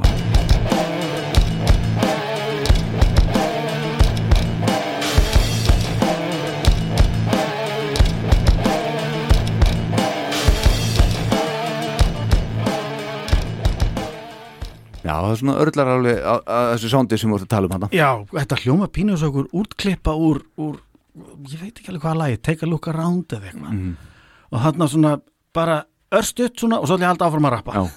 Þetta er í engu þetta er í engu samingi við restin af plötunni Á þetta má þetta mástu þetta er bara þannig og, og mér er endan dag í dag pínu hlýtt svona til þessa bands af því að þeir voru einhvern veginn bara miklu þeir voru bara lausi við tilgerðina. Þeir voru bara einhvern veginn einhverju streitt gæjar sem voru til í að bara að, að vera í sínum hérna 50 fötum og, og bara hendi svakalega þungt og skemmtilega og bara mörguleiti nýstaflegt rock. Mér fannst, Sástu það hérna í höllinni? nei, ég gerði það nú ekki. Ég gerði það nú ekki, en mér fannst alltaf pínu fyndið að sko framlínan í bandinu, það er að segja fyrir utan trommaran þeir hér, það var Fieldy það var Monkey. Monkey. Head Og Jonathan. og Jonathan Davis. Þetta er svona, veist, eins og ef Íslands band hefur verið með, það er hérna Völli og það er uh, Munkur Já. og Haus Já. og Jonathan Já, sem var bara dæmi um það þú veist að þeir voru ekki að fylgja ykkur í lín Nei, nei. Jonathan Davis bara var frábær og er söngvari Já. hann þurfti ekki að skýra sig e, Marilyn Manson eða eitthvað Mér nei, þótt þetta bara andspænist í sem fólk var að byggja um í, um í blödubónu þessum tíma fannst mér bara dálítið svona ferst og, og, og, og svona hressandi. Að þarna voru menn sem lítu bara út ekkit eitthvað furðulega en byggu bara til dundur fína músík. Ég gætt svona, ég gætt bórið virðingu fyrir því. Já. Og þeir voru frábæri lögatarsöllinni 2004 þegar komu hérna til Íslands. Alveg geggjaður ég skal trúa því. Og nú ætlum ég að upplösta því að því ég sagði það á hann í fyrir yfir þetta eftir uh, Þetta var Blind Melon ég, ég var skammaði fyrir eftir síðasta þátt að- að telja þá til uh, eins smellunga. Nó, já. Mér finnst nú langt seilst að þér ég? Ég get ekki nefnt hann alveg Nei, ég, ég, ég ætla að standa við þetta. Já. Ég verð skammaður. No, no reyn allavega gnæfir sko höfuð herða hnjó og tær yfir allt annað sem þeir hafa gert. Ég myndi segja það Herðu, þá uh, er þetta egg uh, farið frá og næst ætlum við að fara í band sem var stopna árið 1998 Ok, og við erum að tala um það að taka svona uh, þátt eins og við erum að gera núna með svona einhverjum spin-offs eða side projects, hliðaverkur með hliðaspor þá er ekki hægt að sleppa þessu bandi. Váka hliðaspor er gott orð. Hliðaspor? Hætta þessi Það er bara yfirskriftin á þessu þetta eru hliðaspor Er? Mjög gott Uh, Lægið heitir Clint Eastwood. Já, þannig eru við. Þetta er uh, Damon frá uh, Gravarvogi úr hljómsveitinni Blur. Og svo er þetta trommarinn Cass Brown sem að trommaði, hlustaði nú kemur auka fróliksmúli, Ok, hann trommaði lagið Girl, You'll Be a Woman Soon Já, með Urge Overkill. Já, úr myndinni Pulp Fiction. Uh, svo er þetta gítarleikari Jamiroquai Simon Katz. Mm og svo hann tveir úr The Verve sem að sigur hún á heiminn hann á einhverju korteri hann og farnir korteri síðar. Já, þeir áttu þarna moment seint, hvað, 97 Drugs Don't Work og eitthvað. Og hérna Bittersweet Symphony. Bittersweet Symphony var það e- já, einmitt, sem kom undan. Uh, þetta eru þeir uh, hvað, Mick nei og svo Mick Jones einmitt sem var svo í The Clash líka. Sá Mick Jones? Já, já, Ég er náttúrulega búin að þekkja Gorillaz bara frá því þeir byrja seint í nýjunni mm. ég, ég held þetta væri bara meira að minna Damon Albarn og Já, ég vissi ekki að það verið svona vel mannaðir en listin er miklu lengri Vá. þeir, sko Mick Jones er til þess bara búin að vera þarna, veist, ekki allan tíman og þetta er svona inn og út eitthvað og, Ég vissi að þú veist að komu alls konar stóri gestasöngur að setna meir já, og Damon er náttúrulega bara the thing já, sko. já, hann er í mitt svo er þetta svona Já, ég tók bara nokkur nöfn sem var gaman að minnast á. Já vel spilað, ég vissi, vissi ekki á þessu. Uh, þetta lag sem ég ætla að spila er af fyrstu breyðskifunni sem kom út árið 2001 uh, síðan þá hafa komið út sex breyðskifur og svo sjönda er er væntaleg þegar ég skrifa þetta daginn sem við tökum upp, er hún ekki komin út? Jú, það var í dag eða annarkvort í dag eða gær? Ég held bara í dag. Ég er aðeins búin að- renna í hana sko. Já, Hljóma bara svaka vel sko. Ok. Alveg svaka vel. Þetta er sko, þó að þetta sé ekkert á sama kaliberi að mínum mati Mm. þá er þetta samt svona vel hefnað spin-off uh, líkt og Fighters. Þetta er Nei, alveg bara ekki spurning, mér hefur alltaf þótt Gorillaz mjög skemmtilegt projekt Mhm. og þessi svona síndar svona Já, já. virtual sveit sko. Að- p- með fjórum einhverjum karakterum ég skildi þetta ekki alveg þú veist Nei, nei. þetta kom fyrst fram Var, við ekki rétt hjá mig, var ekki svona pínu leyndi við því hver þetta væri þannig fyrst eða eitthvað? Jú, svona allra allra fyrst það kvisaðist nú fljótt út Já, já, og ég skildi ekki, þú veist, ok, við vitum þetta er Damon Albarn Mhm. hvað er máli með þetta, með þennan teknimynda fígúru front Já. svo skil ég þetta einhvern veginn betur setna já, og þetta skiptir einhvern veginn ekki eins miklu máli bara þegar þú ert búin að hlusta og fatta að fullt af þessari músík er bara svakalega flott Mhm. og platan Plastic Beach frá 2010 Mm. er bara stórkostlega vel hefnu popplata ok það er bara frábær músík nánast alla plötinu gegn og óbáslega flott plata Þessi fyrsta plata, hún fór í þrefalda platinum sölu í heimalandinu og svo í platinum sölu í USA mm -hmm. Gull eða, jú, platinum sölu á flestum öðrum mörkuðum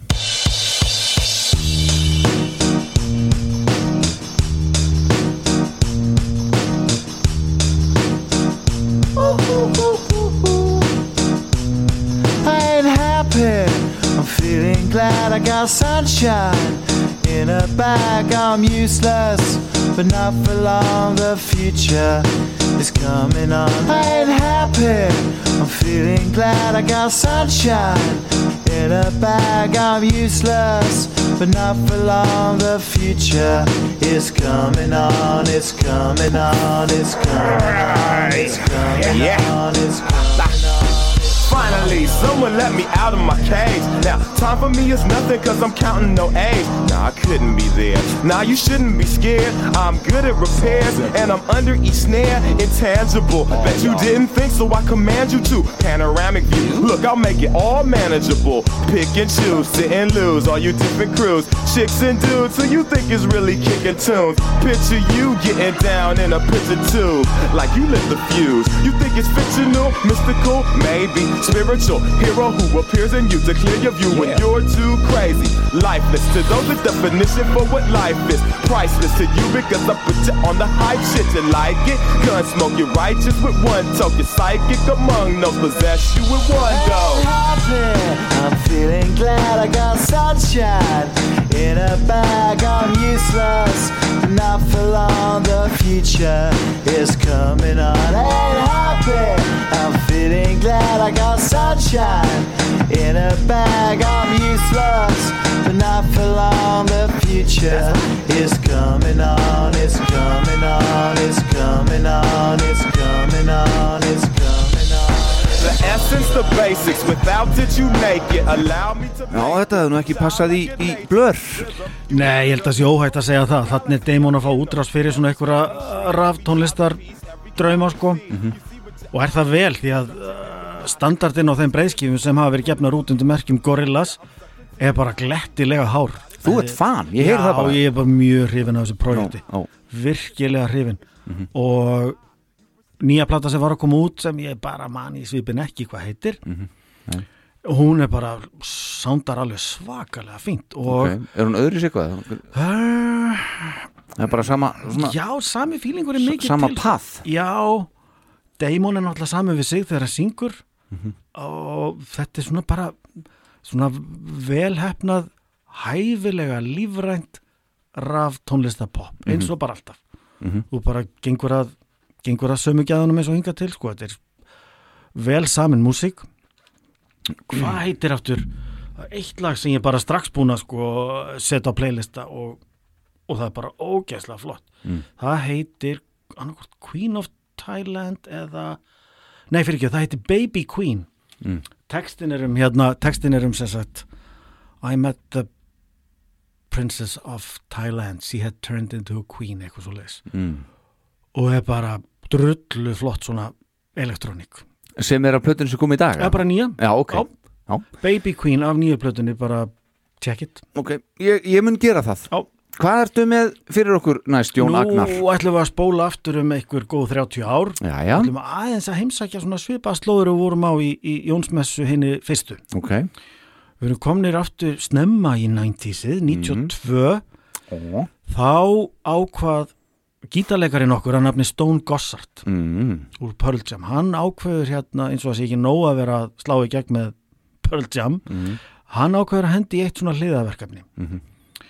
og það átti að heita það er að segja hljónstinn og átti að heita Shame og hann hóaði ekki að gaura úr svona minna þekktum Seattle böndum Satchel og Malfunction og ég man nú ekki hvað þeir heita nema söngvarinn heitir, nei afsakið hét Sean Smith. Hann fjall frá 2019 mm. bara bráðkvættur heima hjá sig 52-3 Ok. E, og þeir mátti ekki heita Shame af því það var hljómsveit til sem hétt það. Mm. þannig að þeir kölluðu hljómsveitina Brad um það beil mest normcore nafn sem þú getur sett á, rock, á rockljósið. En Einmitt þeir kölluðu blötuna Shame. Já, já. Og ég svona hef aðeins uh, lagst í, ég kefti þessa blötu á sínu tíma. Á, á þess að setja heima. Mhm. frá 93 eða eitthvað þegar maður kefti veist, allt á geisladiskum sem var foröðnilegt Mhm. ég myndi ekki kaupa þessa plötu í dag að því ég væri búin að tekka á henni á Apple Music eða Spotify og svona, Já. ég veit nú ekki alveg með þetta Nei. en ég kefti þetta þá og þetta er svona, þannig er Stone Gossard greinlega bara að gera allt sem Pöld sem er ekki Mhm. stundum pop stundum út í þjóðlaga svona sálarmúsík föng af og til og Brad er tæknilega ennþá virk Mm. þeir gáfu fyrstu plötun út 93 Shame Gáfu aðra plötun út 97 í mannrétt sem heitir Interiors. En að, þeir komu saman á 5-7 ára fresti og, og henda í plötu. Stone Gossard er náttúrulega með rúmlega fullt starf sem rytmagítarleikari Pöldjam, ég veit ekkit hvað heinir hafa að gera sko. mm. þeir taki mjög fegin sendi þegar Stone ringir, já, já, stráka, nú hendur við plötu. Yes. ég veit ekkit hvernig þetta hefur selst.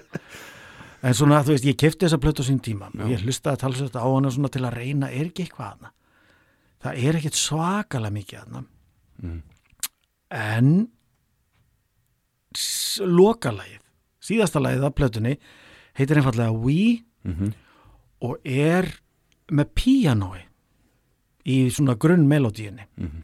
nánast spilað eins og í einhverju lúpu og röddin í sjón heitnum Smith sem er svona einhvers konar hunangslegin falsetta mjög langt frá í vettir skulle við segja. Ok. Hún var ekki kannski dæmigerð rödd sem var að heitla mig en hún virka vel í þessu lagi og lagið er svona endurtekin klifandi pianotaktur bara býsna skemmtilegt og þetta er svona þetta er skríti verkefni. Ég mæli með því að harðir aðdándu Pearl Jam grafi þetta upp bara á Spotify eða eitthvað Mhm. og liggi svona yfir því þú veist hvaða órar eru það sem Stone Gossard er að fara út úr ás fyrir e, í hljónstinni Bratti, þeir eru alls konar Þú eru okkur spurtið að þessu, þetta er búin að finna eitthvað svar? Nei, Nei. Þetta, er, þetta, er, þetta er úr öllum áttum Mhm. og að einhverju leiti er alveg ljóst að menn eru ekki að stressa sig á því að þetta sé að fara að riðjast inn á Billboard 200 listan eitthvað staðar í efri hlutan þeir eru mm, bara einhvern veginn að djamma sjálfum sér held ég mest til gamas ég, að, ég ímynda mér að það sé auka afurð af þessu verkefni að gefa þetta yfirleitt út Já. ég gæti alveg trú að þetta sé bara fjórir kunningja frá Seattle sem hittast bara á einhverja ára fresti þegar þeir mega vera að því svona frá öðrum skildum, fjölskyldu og dagvinnu Mhm. og bara djamma í eina plötu Mhm. en þetta lag er aldrei flott og um, og svona ástæðan fyrir því að ég skipti ekki geisladisknum ég skipti diskin shame einhver tíma þarna þegar mér þótti eiginlega allt frá Seattle aldrei spennandi sko. Manst ekki eftir því þegar maður kefti diskana og það var innsikli hérna sko áður en að menn föttu að sitja svona ofan á? Þá opnaður þú samt sko aftan Þú- þú veist, þú glendir upp. glendi upp einmitt sko Hjarirnar. hjarirnar, takk fyrir. Settir hann, nei, fíldi ekki. Er því ég fekk hann í jólagjöf. Já, ég mitt, Jöfessi sturgur var maður. Ég fekk tvo svona diska Já. og eitthvað svona. Og svo komst ég að því svo hægt og rólega að þú gast og þetta tók svona tíu mínútur eitthvað. Mm. Með því að anda mjög svona. Þá náði heita guðan að leysa upp límið og þú gast svona hægt og rólega andað límið. En hann var alltaf pínu beglar og afgjörslemennir í skífunni þarna þú veit lit á mann really? Já, já. í alvöru og maður bara ha hvað? En mér þótti þetta laga alltaf dálítið flott. Og fyrir tíma Spotify og Apple Music og svona Mhm. þá hugsaði með mér mér finnst þetta pínu kúlag þetta er allt öðruvís ennir í þú veist, pöld sem er að gera Mhm. þannig að ég ætla að eiga diskinn þó ekki nema bara fyrir lokaleg að því mér finnst það smart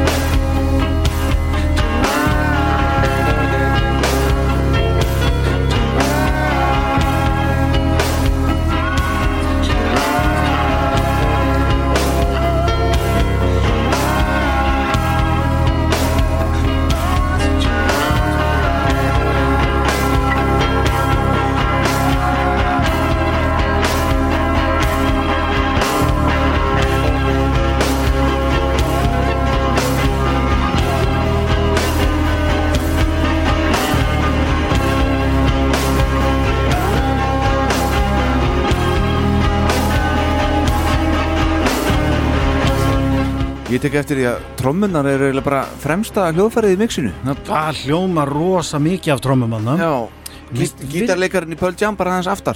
Já, hann var greinlega alveg til í ok, þú veist, hann var alveg að gera það gott með Pearl Jam. Þetta er engin magíti náttúrulega, þetta er bara rithmagítarleikarinn. Þetta er bara reyndna gítarleikarin En hann hérna mm, er ju eins og þú segir bara sáttu við að við halda sig aðeins tilbaka og mér finnst dálítið gaman að þessu lagi Mhm. að það þurfti hugur ekki árið 1993 Mm. Við ætlum að drösla píanón í- inn í þetta og það er í þessu líka ef að grant er hlustað Hammondorgel Mhm. ég, svona, ég get alveg borið veriðingu fyrir því árið 1993 í Seattle að hóa í píanó Hammondorgel Mhm. mér finnst það cool Mhm. og þetta er skemmtilegt lag þetta er teikt í f- fimm og halva mínútu af sama klefandi uh, stefinu Já. en það er flott og ef þú ert harður að- aðdándi Pearl Jam þá náttúrulega setur það ekki fyrir því því að sko eins og kom nú fram í Jónsmessu henni fyrstu þá var ég rosa hrifin af mörgu frá Seattle Mhm. en mér fannst alltaf svona kannski smá ljóður á ráði Pearl Jam þeir vissu ekki hvena þeir átt að enda lögin sín Mm. frábælega samin lög heldu áfram út í það óendalega þeir bara sleftu Mike McCready lausum sólóaðu bara hérna næstu tvær, þrjá mínúturnar eitthvað neginn Mhm. þannig að þeir voru uppi skroppa með tilbreyði við eitthvað, eitthvað stef, eitthvað lag en því heldur samt áfram ofbúslega lengi. Þannig að þetta er kannski bara sama marki brent en þetta er, það er margt í sem, sem finnst pínu smart. Djöðl varst að gera eitthvað brjálaðan með þessum að segja rétt á hann Heldurðu? Já, Já, að ég bara, ég dreg ekki dul á það að ég var Soundgarden og Alice in Chains og Nirvana megin. Já, já. Ég er svona, og sko, mér þykir besta plata með Pearl Jam, plata nummer 2 Mm. og minnst besta lægi með þeim fyrr og síðar uppafslæði á þeirri plötu, Go. Mm. mér finnst það alveg brjálaðslega gott lag.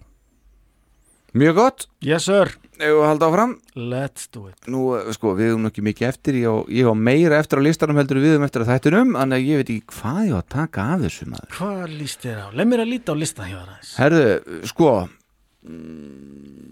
ég, Sko, við, við verðum eiginlega að taka þetta. Mér finnst- mér finnst þetta, mér finnst þetta eitthvað svo nöðsulegt Já, þú segir bara til. Já, Hvað? Sko. Já, bara hvernig lístur á? Þetta er náttúrulega mögulega band sem skákar þeim Crooked Vultures Já, sem supergrúpa. Ég vil ekki að tala um supergrúpu núna aftur? Þetta er náttúrulega ein almesta supergrúpa því þetta er ekki tríó, þetta er kvintett Já, stopnað 1988 Traveling Wilburys. Já, þetta er Beatle og þetta er Dylan Mhm. og þetta er Roy Gamli Orbison sem gekk í, gegnum, gekk í endun í lífdaga. Já, já. Á, á fyrir plötunni, svo blessaður. Já, svo blessaður. Tom Petty og þetta er Jeff Lynne. Já, úr, úr ELO. Já, Já, Bob Dylan eins og segir Roy Orbison og George Harrison úr The Beatles. Já, uh, Sko, valin maður í hverju horni mætti segja. Mhm. Þeir áttu nú nokkra hittarana þessir og ég valdi eitt lag og það var bara erfitt. Það var bara erfitt að velja eitthvað eitt lag sem, til að spila með þessu bandi. Uh, Sko, George Harrison myndist fyrst á þetta verkefni í útvarsviðtali árið 1988 og skömmu síðar var þetta verkefni að veruleika. Og fyrsta plata Traveling Wilburys uh, Volume 1 kom út í oktober 88 ok. Roy Orbison eh, lést svo tæpum tveimur mánuðum síðar og var þeirra eh, önnur plata eða setni plata sem kom út 19- 1990 til einhver minningu hans.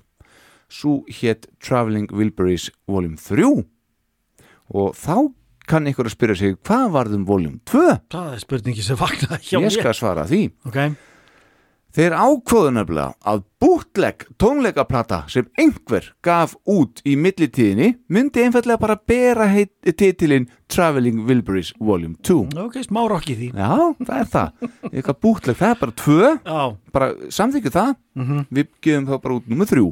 já, ok. Báðar þessar plötur, 1 og 3, fóru í gull eða platinum en ekki hvað út um allan heim, það er ekki að spyrja því. Nei, en svo fyrri gerði þó tölvert betra mót. Það er þreföld platinum sala í bandaríkjónum já, enda sko á þessum tíma aftur, við erum á tímum það sem Spotify og Apple Music nýtur ekki við. Meni. þannig að þú bara gjör svolítið kaupir plötuði líst vel á hana Já, og þegar þessar kanónur sko leiða saman hesta sína þá er náttúrulega mjög margi sem eru tilbúinir að kaupa blind. Þú ferð bara inn á rásina þeirra á, á Spotify mm eða Apple eða hvað hún notar -hmm.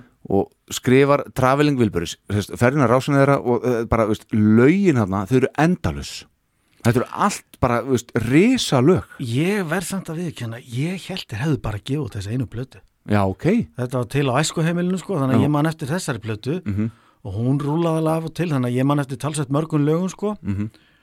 og man til að mynda eftir því að uh, svo ég hendi nú inn spoiler, lægi sem ég sé að þú ert svona búin að læna upp já.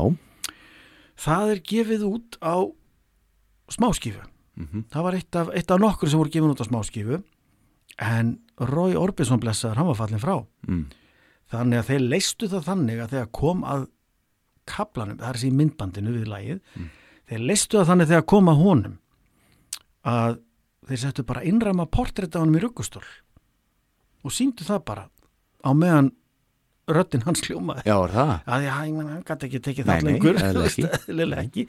þannig að það var svona það var svona ánguvært, þarna var kallin eins og við þekkjum hann með dökk leru og eitthvað og í ruggustól sem ruggaði. Mhm. bara innrama portrétt sem svona vaggaði fram og tilbaka á meðan röddinn hans ljómaði það var eitthvað ánguvært og svona eitthvað pínu gamaldags og fallegt við það En svo voru þeir allir með svona, svona eitthvað hliðar sjálf líka. Þeir hétu allir eitthvað Wilbury. Sko. alveg rétt Þú veist, það var eitthvað John Wilbury og... Já, þetta- Eh, nei, ekki það var eitthvað svona eitthvað nöfn og svo Jú, Wilbury. þetta- En svo á voljum 3, Mm. sem er sem sagt voljum 2 örunni á þeim, Einmitt. þá voru þeir sko auðvitað líka svo liðis, en önnu nöfn. Þeir hétu ekki að sama, sko. voru þau orðin nýjir vilbur Já. Ok, ég vissi það ekki, ég er náttúrulega aftur ég vissi ekki að þeir hefðu gefið út aðra plötu Nei. en ég man þegar þú segir þetta því að ég er svona típan sem sótti alltaf bæklingin úr geisladiska hulstunum til að lesa textana með einn hlusta Já, já. sko. Mhm. þá kom ég mitt auga á Mhm. The Traveling Wilburys, ar og svo kom eitthvað þú veist Dalton Wilbury eða, eða Brian Wilbury eða hvað það var sko Já. og maður þurfti, já, hann er hann já, hann kalla sig þetta já, já, já Sko, ef við, maður sjá, að Ertu með hver var hvað? já, já. Ok. Sko, uh, George Harrison var Nelson Wilbury. Nelson Wilbury, alveg rétt Jeff Lynne var Otis Wilbury Ok. Roy Orbison var Lefty Wilbury uh, Tom Petty var Charlie T. Wilbury Jr. Charlie T. Bob Dylan var Lucky Wilbury ah, ok Svo kemur voljum 3 Já. Þá er George Harrison orðin Spike Wilbury Jeff Lynne er Clayton Wilbury Tom Petty er Muddy Wilbury og Bob Dylan er Boo Wilbury kom enginn í staðin fyrir eh, Roy Orbison heitin þarna Nei, á þeirri blötu þá var þetta bara kvartett Já. heyrum þetta lag hérna sem ég er búin að læna upp Já. sem er vel við hæfið, það heitir End of the Line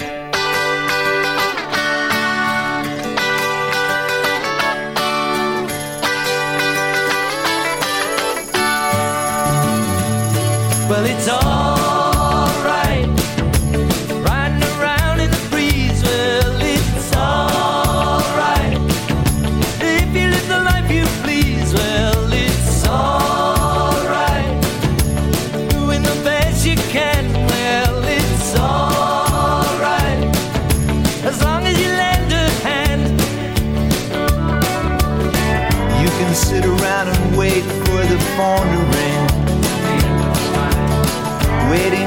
Someone to tell you everything.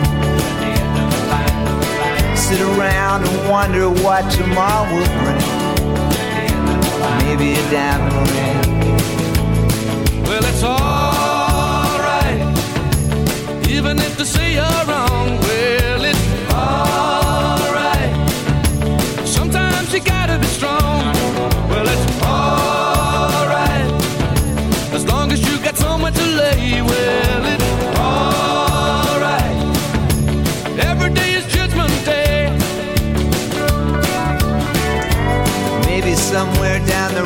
Road away. You'll think of me and wonder where I am these days. Maybe somewhere down the road when somebody plays the purple haze. Well, it's alright. Even when push comes to shove, well, it's alright. If you got someone to love. Þetta er svona lag sem að hvert mannspann þekkir, held ég Já, sko. það held ég að sem er komin eitthvað, hvað ég að segja 30 blús eða? segjum það bara sem er orðið miðaldra sko. Ætlaði nú ekki að segja það Æ, ég hendi þessu fram En sem sagt, þessi plata, hún geymir alveg fáránlega mikið af, af, af góðum lögum og, og lögum sem við þekkjum Þetta lag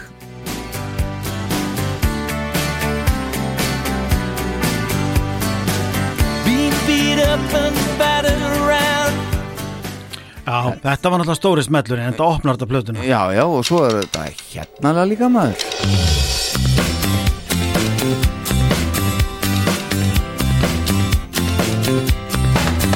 She was there at the bar. She heard my guitar. Góð plata. Já, það var daldið að, hérna, það var talsvert gefið út á smáskifum minni mig. Já, Ég var alltaf hrifnastur af Tweeter and the Monkey Man. Það var sungið af Bob Dylan. Mhm. Og var svona það var svona aðeins meiri svona skuggi við því lagi heldur en, heldur en hinn hinn er svona bara Superstjörnu vinir sem hittast og djam og hafa gaman Mhm. en það lag var svona aðeins drungalegri eh, hérna Ok. texti og, og ég fílaði það vel sko.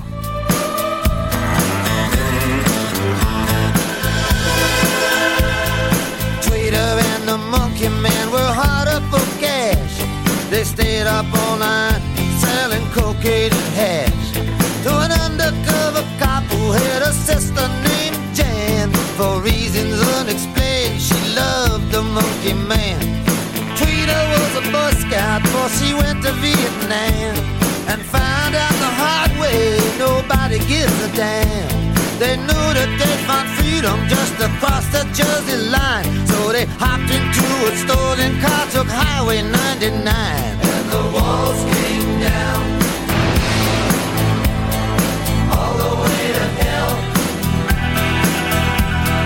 Saw them when they're standing, never saw them when they fell. Ég get sagt þér það að því að þú gerir einhverja Pearl Jam aðdæmandur brjála á þann Já, gott hjá Þá ætla ég að gera svipað. Kottum með það maður. Ég sá Bob Dylan á tónleikum. Hvenær var það? 90 og Mér langar að segja 8 bara, róa skelda Hvort það ekki bara verið 98 Ok. Uh, Og það, ég stóð þessar tónleika til enda Já, ok. Vegna þess að þetta var Bob Dylan. Mhm. Mér drefleitist Allan tíman Já. Ég, Hann bara næri ekki dimmi sko. Ég bara mér, mér finnst hann bara ekki skemmtilegu sko. Nei. Ég er ekki harður átándi en mér finnst stöffið hans til svona 75 margt af því er býstna áhugavert hann sko. er samið góð lög og ég, ég finn alveg sko ég heyri sé, finn snildina einhvern veginn, þetta bara næri ekki til mér. Nei, nei, það er bara svo það er. Já, Sko, 60s dótið saman með Stones. Já, nákvæmlega. Ég, Nei, ég, meina, bara nenni ekki að hlusta á Stones Nei, ég en, en ég heyri hvað þetta er gott. Ég fæ ekkert út úr mér Stones finnst bara ekki skemmtilegt. Nei, ég fæ, ég fæ miklu meir úr bítlánum miklu, samanlega og samt hlusta ég ekkert svaka mikið á bítlánum Nei, þetta bara er þarna, þú veist, Já, já. það er myndaði með þarna vegnum Já, Það- bara, Þetta er grunnurinn einhvern veginn af þessu Þetta er, það er eiginlega ekki að orða það mikið betur sko, og það er fullt af þú það er ekki að taka fram brjálega flottum lögum með bítlunum Mhm. ég er samt ekki að sækja í þá frá degi til dags Nei, en það er samt miklu meira en Stones. Já, ég, ég er sammála. Það er, pff, ég get alveg tínt til, þú veist ég get tínt til lög með Stones sem ég ekki skemmtileg sko, Mhm. en það eru sjaldnast lög sem hörðu Stonesararnir eru hrifnir af sko. Mhm. finnstu skulle nefna þetta. Plata sem þeir gefa út ég ætla að segja 1981 Mm. og heitir Tattoo You að mynd af Jagger framan á og hann er svona eins og, eins og ef hann væri frumbyggi frá hérna, þú veist, Ástralja Nýja Sjálandi Mm. svona andlitstattu út um allt Já þar er lag mm. sem mér þykir svakalega kúl það er svona, þú veist, eitt af, eitt, ég- eins og ég sagði hann, ég get tínt til lög Mm. og það er lag á þessari plötu sem heitir Heaven. Mhm. það er mjög kúl lag. Ok. Það er býstna flott svona sem að þú myndir sitta á með Stones? Ég myndi setja þetta lag, ég hef ræðið þess á, á tiltekna playlista. Mhm.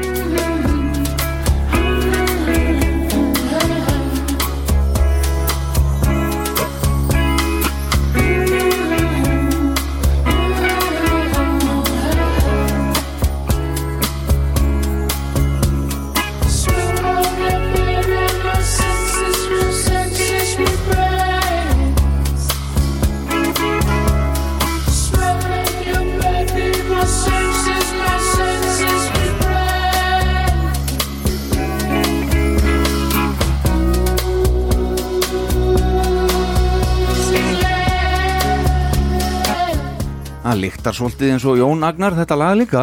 Er- Þetta er ekki típist Rolling Stones lag. Nei, enda er það væntalega ástæða þess að mér finnst þetta skemmt. Ég hef alveg sett þetta á svona grúf playlista fyrir gott veður og já, fullt af músík sem ég get vafið utan um þetta lag Já, og samingi gengur, gengur mjög skilu á meðan harði stónsar glæð hvaða klikkaus er þetta eiginlega? Að því mér skilst að þessi plata sé sko ekki frumsamin heldur saman safna svona einhvers konar outtakes frá late 70s sem þið rökuðu saman á plötu og gáf út. Já, já. en það breytir því ekki? Minnst þetta cool lag. Og Start Me Up þar á meðal. Það getur vel verið Og það. lag eitt á blöðunni svo Já, ok, það gerir ekkert fyrir mig sko. Herðu, all right, byrjuðu, hver er næstur? Býttu nú við, Man þú varst ég- með Traveling Wilburys. Rétt. Þannig að ég ætla að fara í talsvert aðrar áttir. Ok, út og suður hér. Já, já, þannig er, þannig er það skemmtilegast. Uh, Þannig er hliðarverkefni eða eigum við að segja framhaldsverkefni. Mhm. Spin-off. Spin-off af einni af áhrifaríkustu hljómsveitum áttunar Mhm. segi ég og skrifa. Sú sveit gaf út fimm breyðskifur og á milli allra breyðskifana er ofbóðslegt stökk. Ekki bara einhver þróun heldur bara risastökk. Frá því að þeir gefa út The Party's Over 82 yfir í uh, It's My Life 84 yfir í The Color of Spring 86 yfir í uh, mm, Spirit of Eden 88 og síðasta platan Laughing Stock 91 það er helst þess að tvær síðustu sem eru með dálítið sterkan svona streng á milli sín. En annars er þetta alltaf eitthvað skona bara, er þetta sama bandið? Ef Út og og, alveg ofbásl út og suður en þú veist, gott verður betra, verður ennþá betra verður sturlað, verður klassík. Og ef ekki væri fyrir mjög sérstaka rödd höfuð snillingsins Mark Hollis heitin sem lést nú hvað 2018 eða 19 þá væri bara erfitt að kveikja því til sama bandið slík er stökkbreytingin á milli platnana eh, slík stökkbreyting er náttúrulega ekki endilega plötu útgáfinni að skapi. Nei. En vilja- misti af því hvaða bandið þetta er það? Talk Talk. Já, ok. Hafið það ekki komið fram? Já. uh, þeir gefa út plötu það er eitt stærsta stökki það er frá uh, Color of Spring 86 yfir að Spirit of Eden 88 þá eru þið kominir í mjög framsæknar og svona ég veit ekki alveg hvernig ég á að lýsa því. Fólk verður bara að hlusta á þetta. Þeir eru kominir í mjög svona fra, já, framsæknar pælingar í svona free jazz. Í raunin er ekki að útskýrta öðru sem það að eftir á hefur fólk sagt þarna verður post-rockið til. Mhm. það er að segja músikin sem Radiohead og Sigur Rós er oft sett undir sko. Jú, jú og stórkostlega plötur gaman að segja frá því sko og samt ekki að útgáfu fyrirtækið hvort það var EMI, ég man það ekki þeir dróðu tók-tók fyrir dómstóla. Á grundalli þess að platan væri ekki commercially satisfying eitthvað svo en því uh, þeirri stefnu var náttúrulega bara hendu öfugur út úr dómsal sko. Mhm. en þetta var allt aldrei erfitt. Mark Hollis heitin var höfuð snillingur eflust ekki alltaf auðvildasti maðurinn að vinna með og í kringum þessa erfiðleika þarna sent í áttunni, Mm. 88 í kjölfar útgáfu þessar frábæri plötu Spirit of Eden þá hættir bassalegarinn frábæri Paul Webb og í rauninni fjarlægist trommulegarinn, frábæri líka Lee Harris, hann fjarlægist þetta verkefni sem hljónstinn Talk Talk var og loka plata bandsins Laugh, uh, Laughing Stock sem kemur út uh, 91 er nánast sko eitthvað skona sóloverkefni Mark Hollis söngvara. Þetta hefði eiginlega geta þá verið plata ekki með Talk Talk heldur The Mark Hollis Experience eitthvað svo leiðis Mhm. mér skilst nú samt þegar ég bara hugsa um það ég held að Lee Harris trommari hafi trommað mest af plötunni en hann var nánast ekki í bandinu sko og Paul Webb bassalegari var hættur í því.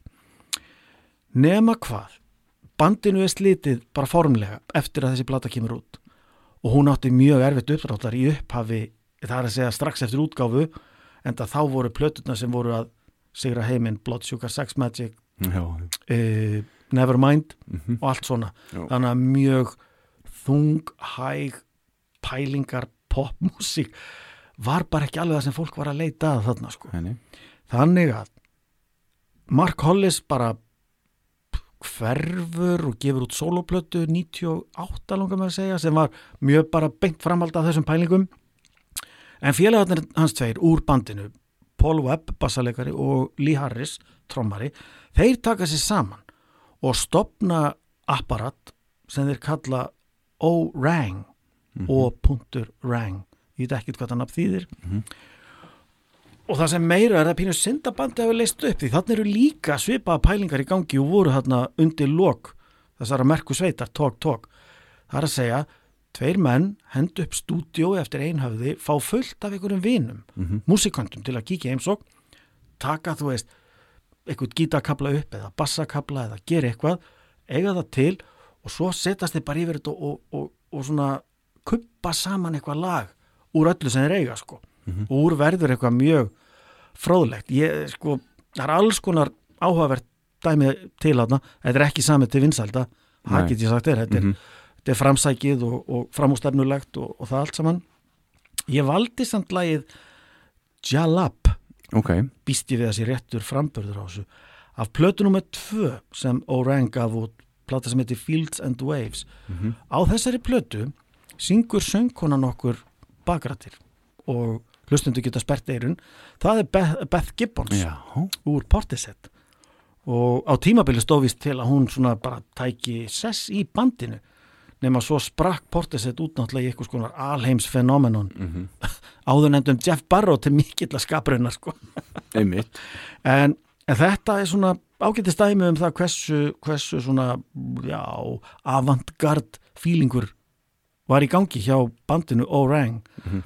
Ég, sko, þau hafa haldið sambandi svona músiklega séð Paul Webb bassaleikari sem kalla sig þá Rustin Man og Beth Gibbons, þau gaf út plötu saman eins og örgulega margir vita sem heitir Out of Season og kom út 2002 Mhm. frábæð plata.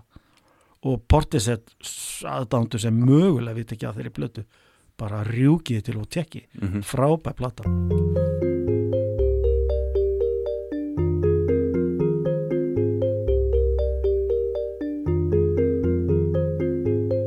Leave this land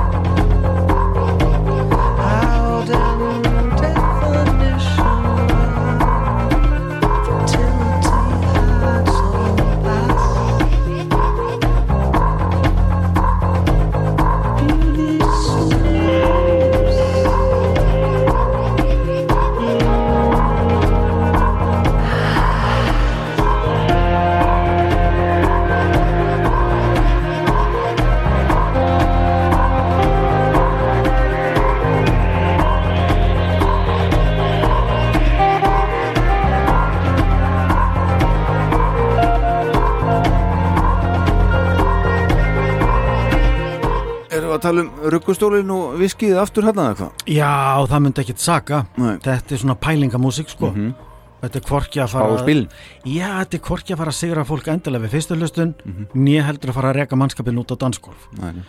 En eftir því sem leið á feril þessara merku sveitar Tók, tók Þá var nú auðvert að þeir voru ekki mikið að hafa ágjörð því hvað fólki fyndist Nei. Þeir voru bara uppfylla eigin langsóttu þrár og drauma eftir eitthvað skona fullkomnun í tónlist. Mhm. það gata af sér alveg stórkostlegt efni náttúrulega. Já, já. og ég ímynda mér að þeir Paul Webb og Lee Harris hafi einfallega bara ekki verið sattir sko, þeir vissu að bandið var fyrir bí. Mhm. Mark Hollis var eiginlega sattur á tónlistabransanum. Þeir áttu svona aðeins eftir ósagt þannig að þeir settu þarna, þeir hendu í tvær plötur sem koma út 94 og 96 og fyrir þá sem voru hrifnir af uh, Laughingstock og Spirit of Eden tveimur síðustu plötum bansins þá er þetta svona þetta er, þetta er, ennþá, þetta er ennþá meira fyrir lengra komna sko Mhm. en þetta eru juicy pælingar og ef þú átt klukkustund aflögu, góða headphonea ég segi, já, ruggustóllin og viski í sakar ekkert þá er alveg bara fínt að pæla þess í þessu og svona sjá bara hvert, hvert voru þeir að fara þessi tveir herramenn sko. Þetta er mörguleiti mjög merkileg músík Ok. ekki síst þegar hortið til þess hversu ofbóðslega bara stórkostlegt og áhrifaríkt bandið Tók Tók var sko. Já. Uh, þá skulum við halda áfram að fara út og suður og ég ætla að kóða með hérna eitt á lokum. mm -hmm. Reyndar ekki alveg að lokum, tökum eitt bónusvættir. Gaman. En uh, það, síðasta í skipilegri dagskrá hér uh, er eitthvað sem heitir Soul Station. Og ég, einhvern veginn, mér langar svo að leifa að heyra þetta og ykkur hlustendur líka. Þetta er nefnilega sá sem að eh, stendur fyrir þessu er maðurinn sem að eh, syngur og söng til dæmis lagið Lick It Up. Já, Þetta er sem sé Paul Stanley. Sjálfur. Annar kissari, við komum nú inn og annan kissar hann áðan, alltaf næ, þessu kiss einhvern veginn inn. Með honum þarna er Erik Singer, núverandi trommuleikari kiss og svo fullt af öðru fólki. Ok. menn og konur svona minni spámenn og, konur sem eru þetta með að mínu viti allavega.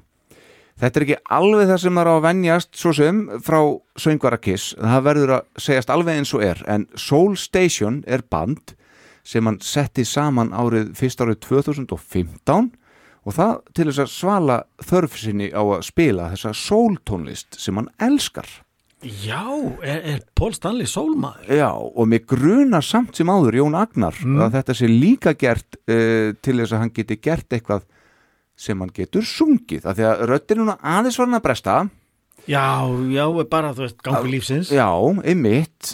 Bara, þú veist, það er bara aldurinn er að færast yfir og, svona, Mhm, og búin að vera mhm. að rokka í, í 50 ár. Nákvæmlega. Þá bara, eh, hvað get ég sungið? Og það, jú, þá fer ég bara í sólið sem að ég, ég er svo hrifin af. Mhm. og ég held að þetta sé pínu svona bara til þess að framlengja ferilinn og búa eitthvað til, þú veist, og vera, hann er skapandi og bara verður með að hafa eitthvað fyrir stafni. Ég bara lá honum hver sem vil Akkurat uh, Hann er sérst búin að gefa út eina plötu heitir Now and Then kom út uh, seint 2021 Hún geymir 14 lög ímist eftir hann eða tökulög frá Prime Time Soul tónlistar á 7. og 8. áratug síðustu aldar Mhm. Lægið sem að ég valdi er Oh Child sem er uh, cover frá uh, lægi með hljónstinni The Five Stair Steps kannastu við það? Ég hef korkert minnst á Soul Station near the Five Stair Steps nokkuð tíma. Nei, ég hef aldrei hirt minnst á, á Five Stair Step heldur sko. En þetta var gefið út fyrst árið 1970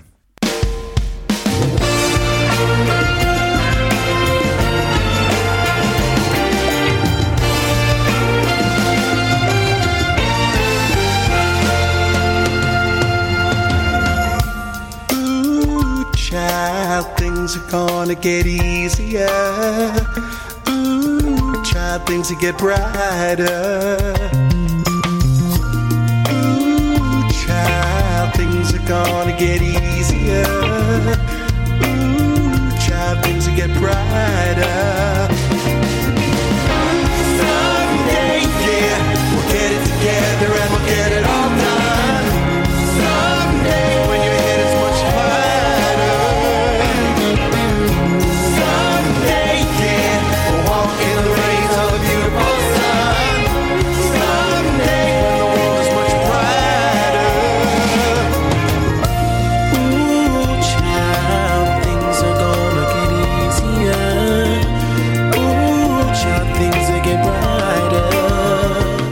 Held ég. Soul Station, Paul Stanley. Við veistu það, þetta er ekki músík sem ég myndi venjulega pikka upp. Nei. Mér finnst gott hjá kallinum að bara, eh, þarna eru greinlega svona einhverjir sála tónlistaströyma sem bærast inn, innra með honum. Ég held að megi fá útrás fyrir það. Já, og eins og hann sagði í viðtali sem ég hlustaði á við hann fyrir stuttu síðan. Mm. Ég gerði Soul Station bara á algjöru eigingirni. Aðeins fyrir mig Enda líka, e, þetta fær ekkert fullkomna dóma í kiss heimum, skal ég segja þér. Neini, öruglega ekki. Að honum er Þess- drull. Þess þá heldur er virðingavert honum er drull. Já, Hann er búin að hjakka nógu lengi í bransanum Mhm. í þáu allar sem vilja kiss Mhm. til þess að mega gera eitthvað fyrir sjálfa sig. Akkurat. Og þó þetta fái fáa til að teka jafnvel enga nema hann sjálfan Mhm. fínt, Akkurat. Fínt. Herðu, uh, þau bönd, við ætlum að setja punktin hérna. Já. Þau bönd sem að ég var með hérna á lista sem við erum ekki að taka fyrir Þetta, hefði geta verið framhaldsdáttur Ég er með hérna Eagles of Death Metal.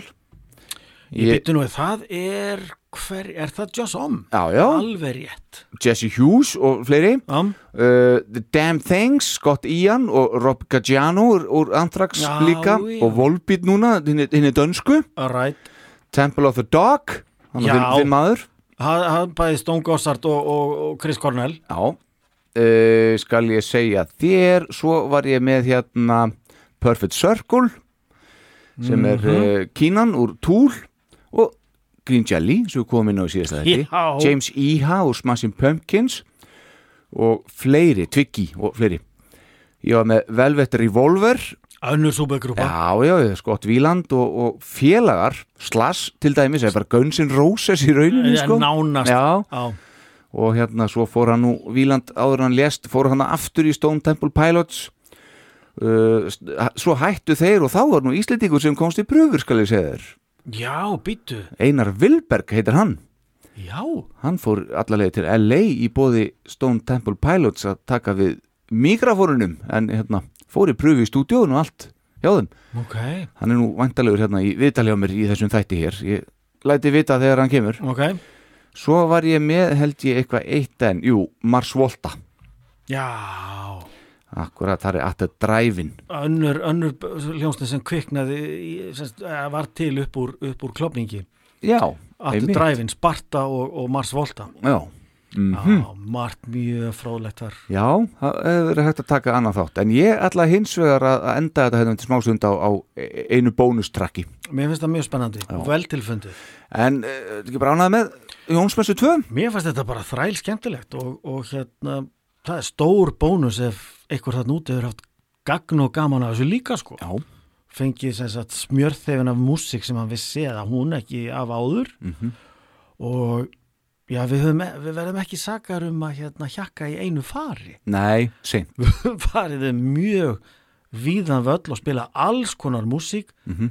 grípandi sem og síður aðgengilega skulum við segja. Já, en við höfum haldið svona skikkalega góðum standard vil ég segja. Já, heldur við höfum verið að gera þetta bara fyrir nokk- víðan völlin Já, ég held við höfum gert þetta bara býstna forveitnilegt og mm rifjað upp síkildasmelli í bland við dót sem ég ábyrgist að enginn hefur heyrt áður. Já, ég sé bara hárrétt hjá þér. Já, það er nú aldrei skaman að þú ert búin að st- st- stilla upp uh, fleiri jónsmessum og við erum nú með hérna á færimati alls konar málefni sem við erum að fara að taka fyrir á næstunni. Já, höldum áfram að fara um víðan völl. Já, heldur betur, ég ætla að vona að komin í stuð og, og haldir þessu áfram með mig vegna þess að, að gaman að fá okkur með mér hérna, heldur en að vera alltaf einn hérna talandi eða, eða Já, mín er ánæðan maður. Já.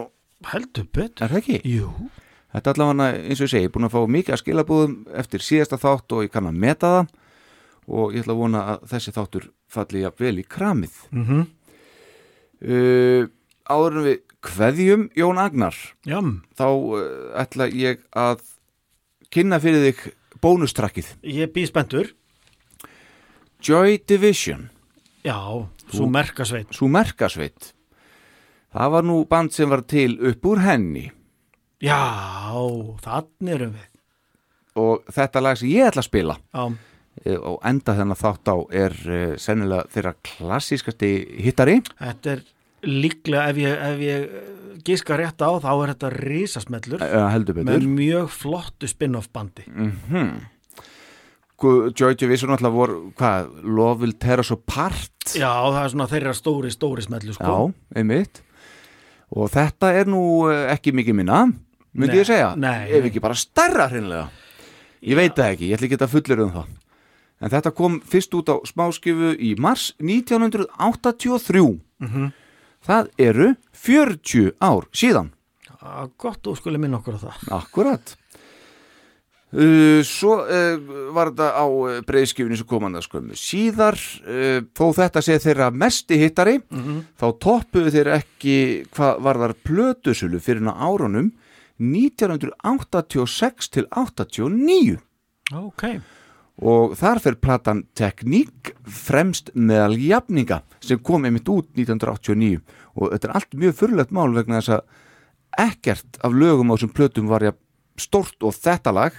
En þarna eru kannski menna aðeins að, að vinna á forri, ekki forri en svona fyrrum fræð Já, það velgengni. gæti verið hitt er Mhm. annar mála þetta er fáránlega grípandi lag sko Já, ég, ég, ég myndi alveg treysta mig til að setja þetta svona á topp 10 bara yfir bestu lögin sem hafa verið samin í þessum geira, bara definitely Þetta er lag sem aftur sko þetta er, svona, þetta er bara síkilt poplag já. sjúklega virkar, hún í alla kynnslóður einhvern veginn í, í rauninni er það þannig og svo er það bara þannig þú veist að þú þarft líklegast að vera bara látin til að byrja ekki stappa fæti með Mhm. taktinum Mhm. Og þetta er veist, til þess að gera til svona einfall lag með klifandi melódíu Mhm. og bara vel hefnið, þetta bara virkar. Algjörlega. Það er ekki flóknara sko. Mér finnst þetta algjör snild þetta lag. Og ég er með hrifin af bandinu New Order. Jón Agnar Ólason, ég ætla að þakka þér einnilega fyrir að eh, skoppa þarna yfir í næsta hús og taka upp Jónsmessu nummer 2 með mér. Hjartast þakki fyrir mig sem er leiðis Og- gestur, hlakka til næst. Já, heldur betur ég líka. Og ég veit að málefni næst verður stórskemmtilegt Ég held nefnilega að þú sett að heimavelli algjörum þar. Það verður spennand að dusta ríkið af einhverju góðu og svifta hulunni Akkurat. af, af umfyllunarefni næsta þáttar. Takk kærlega fyrir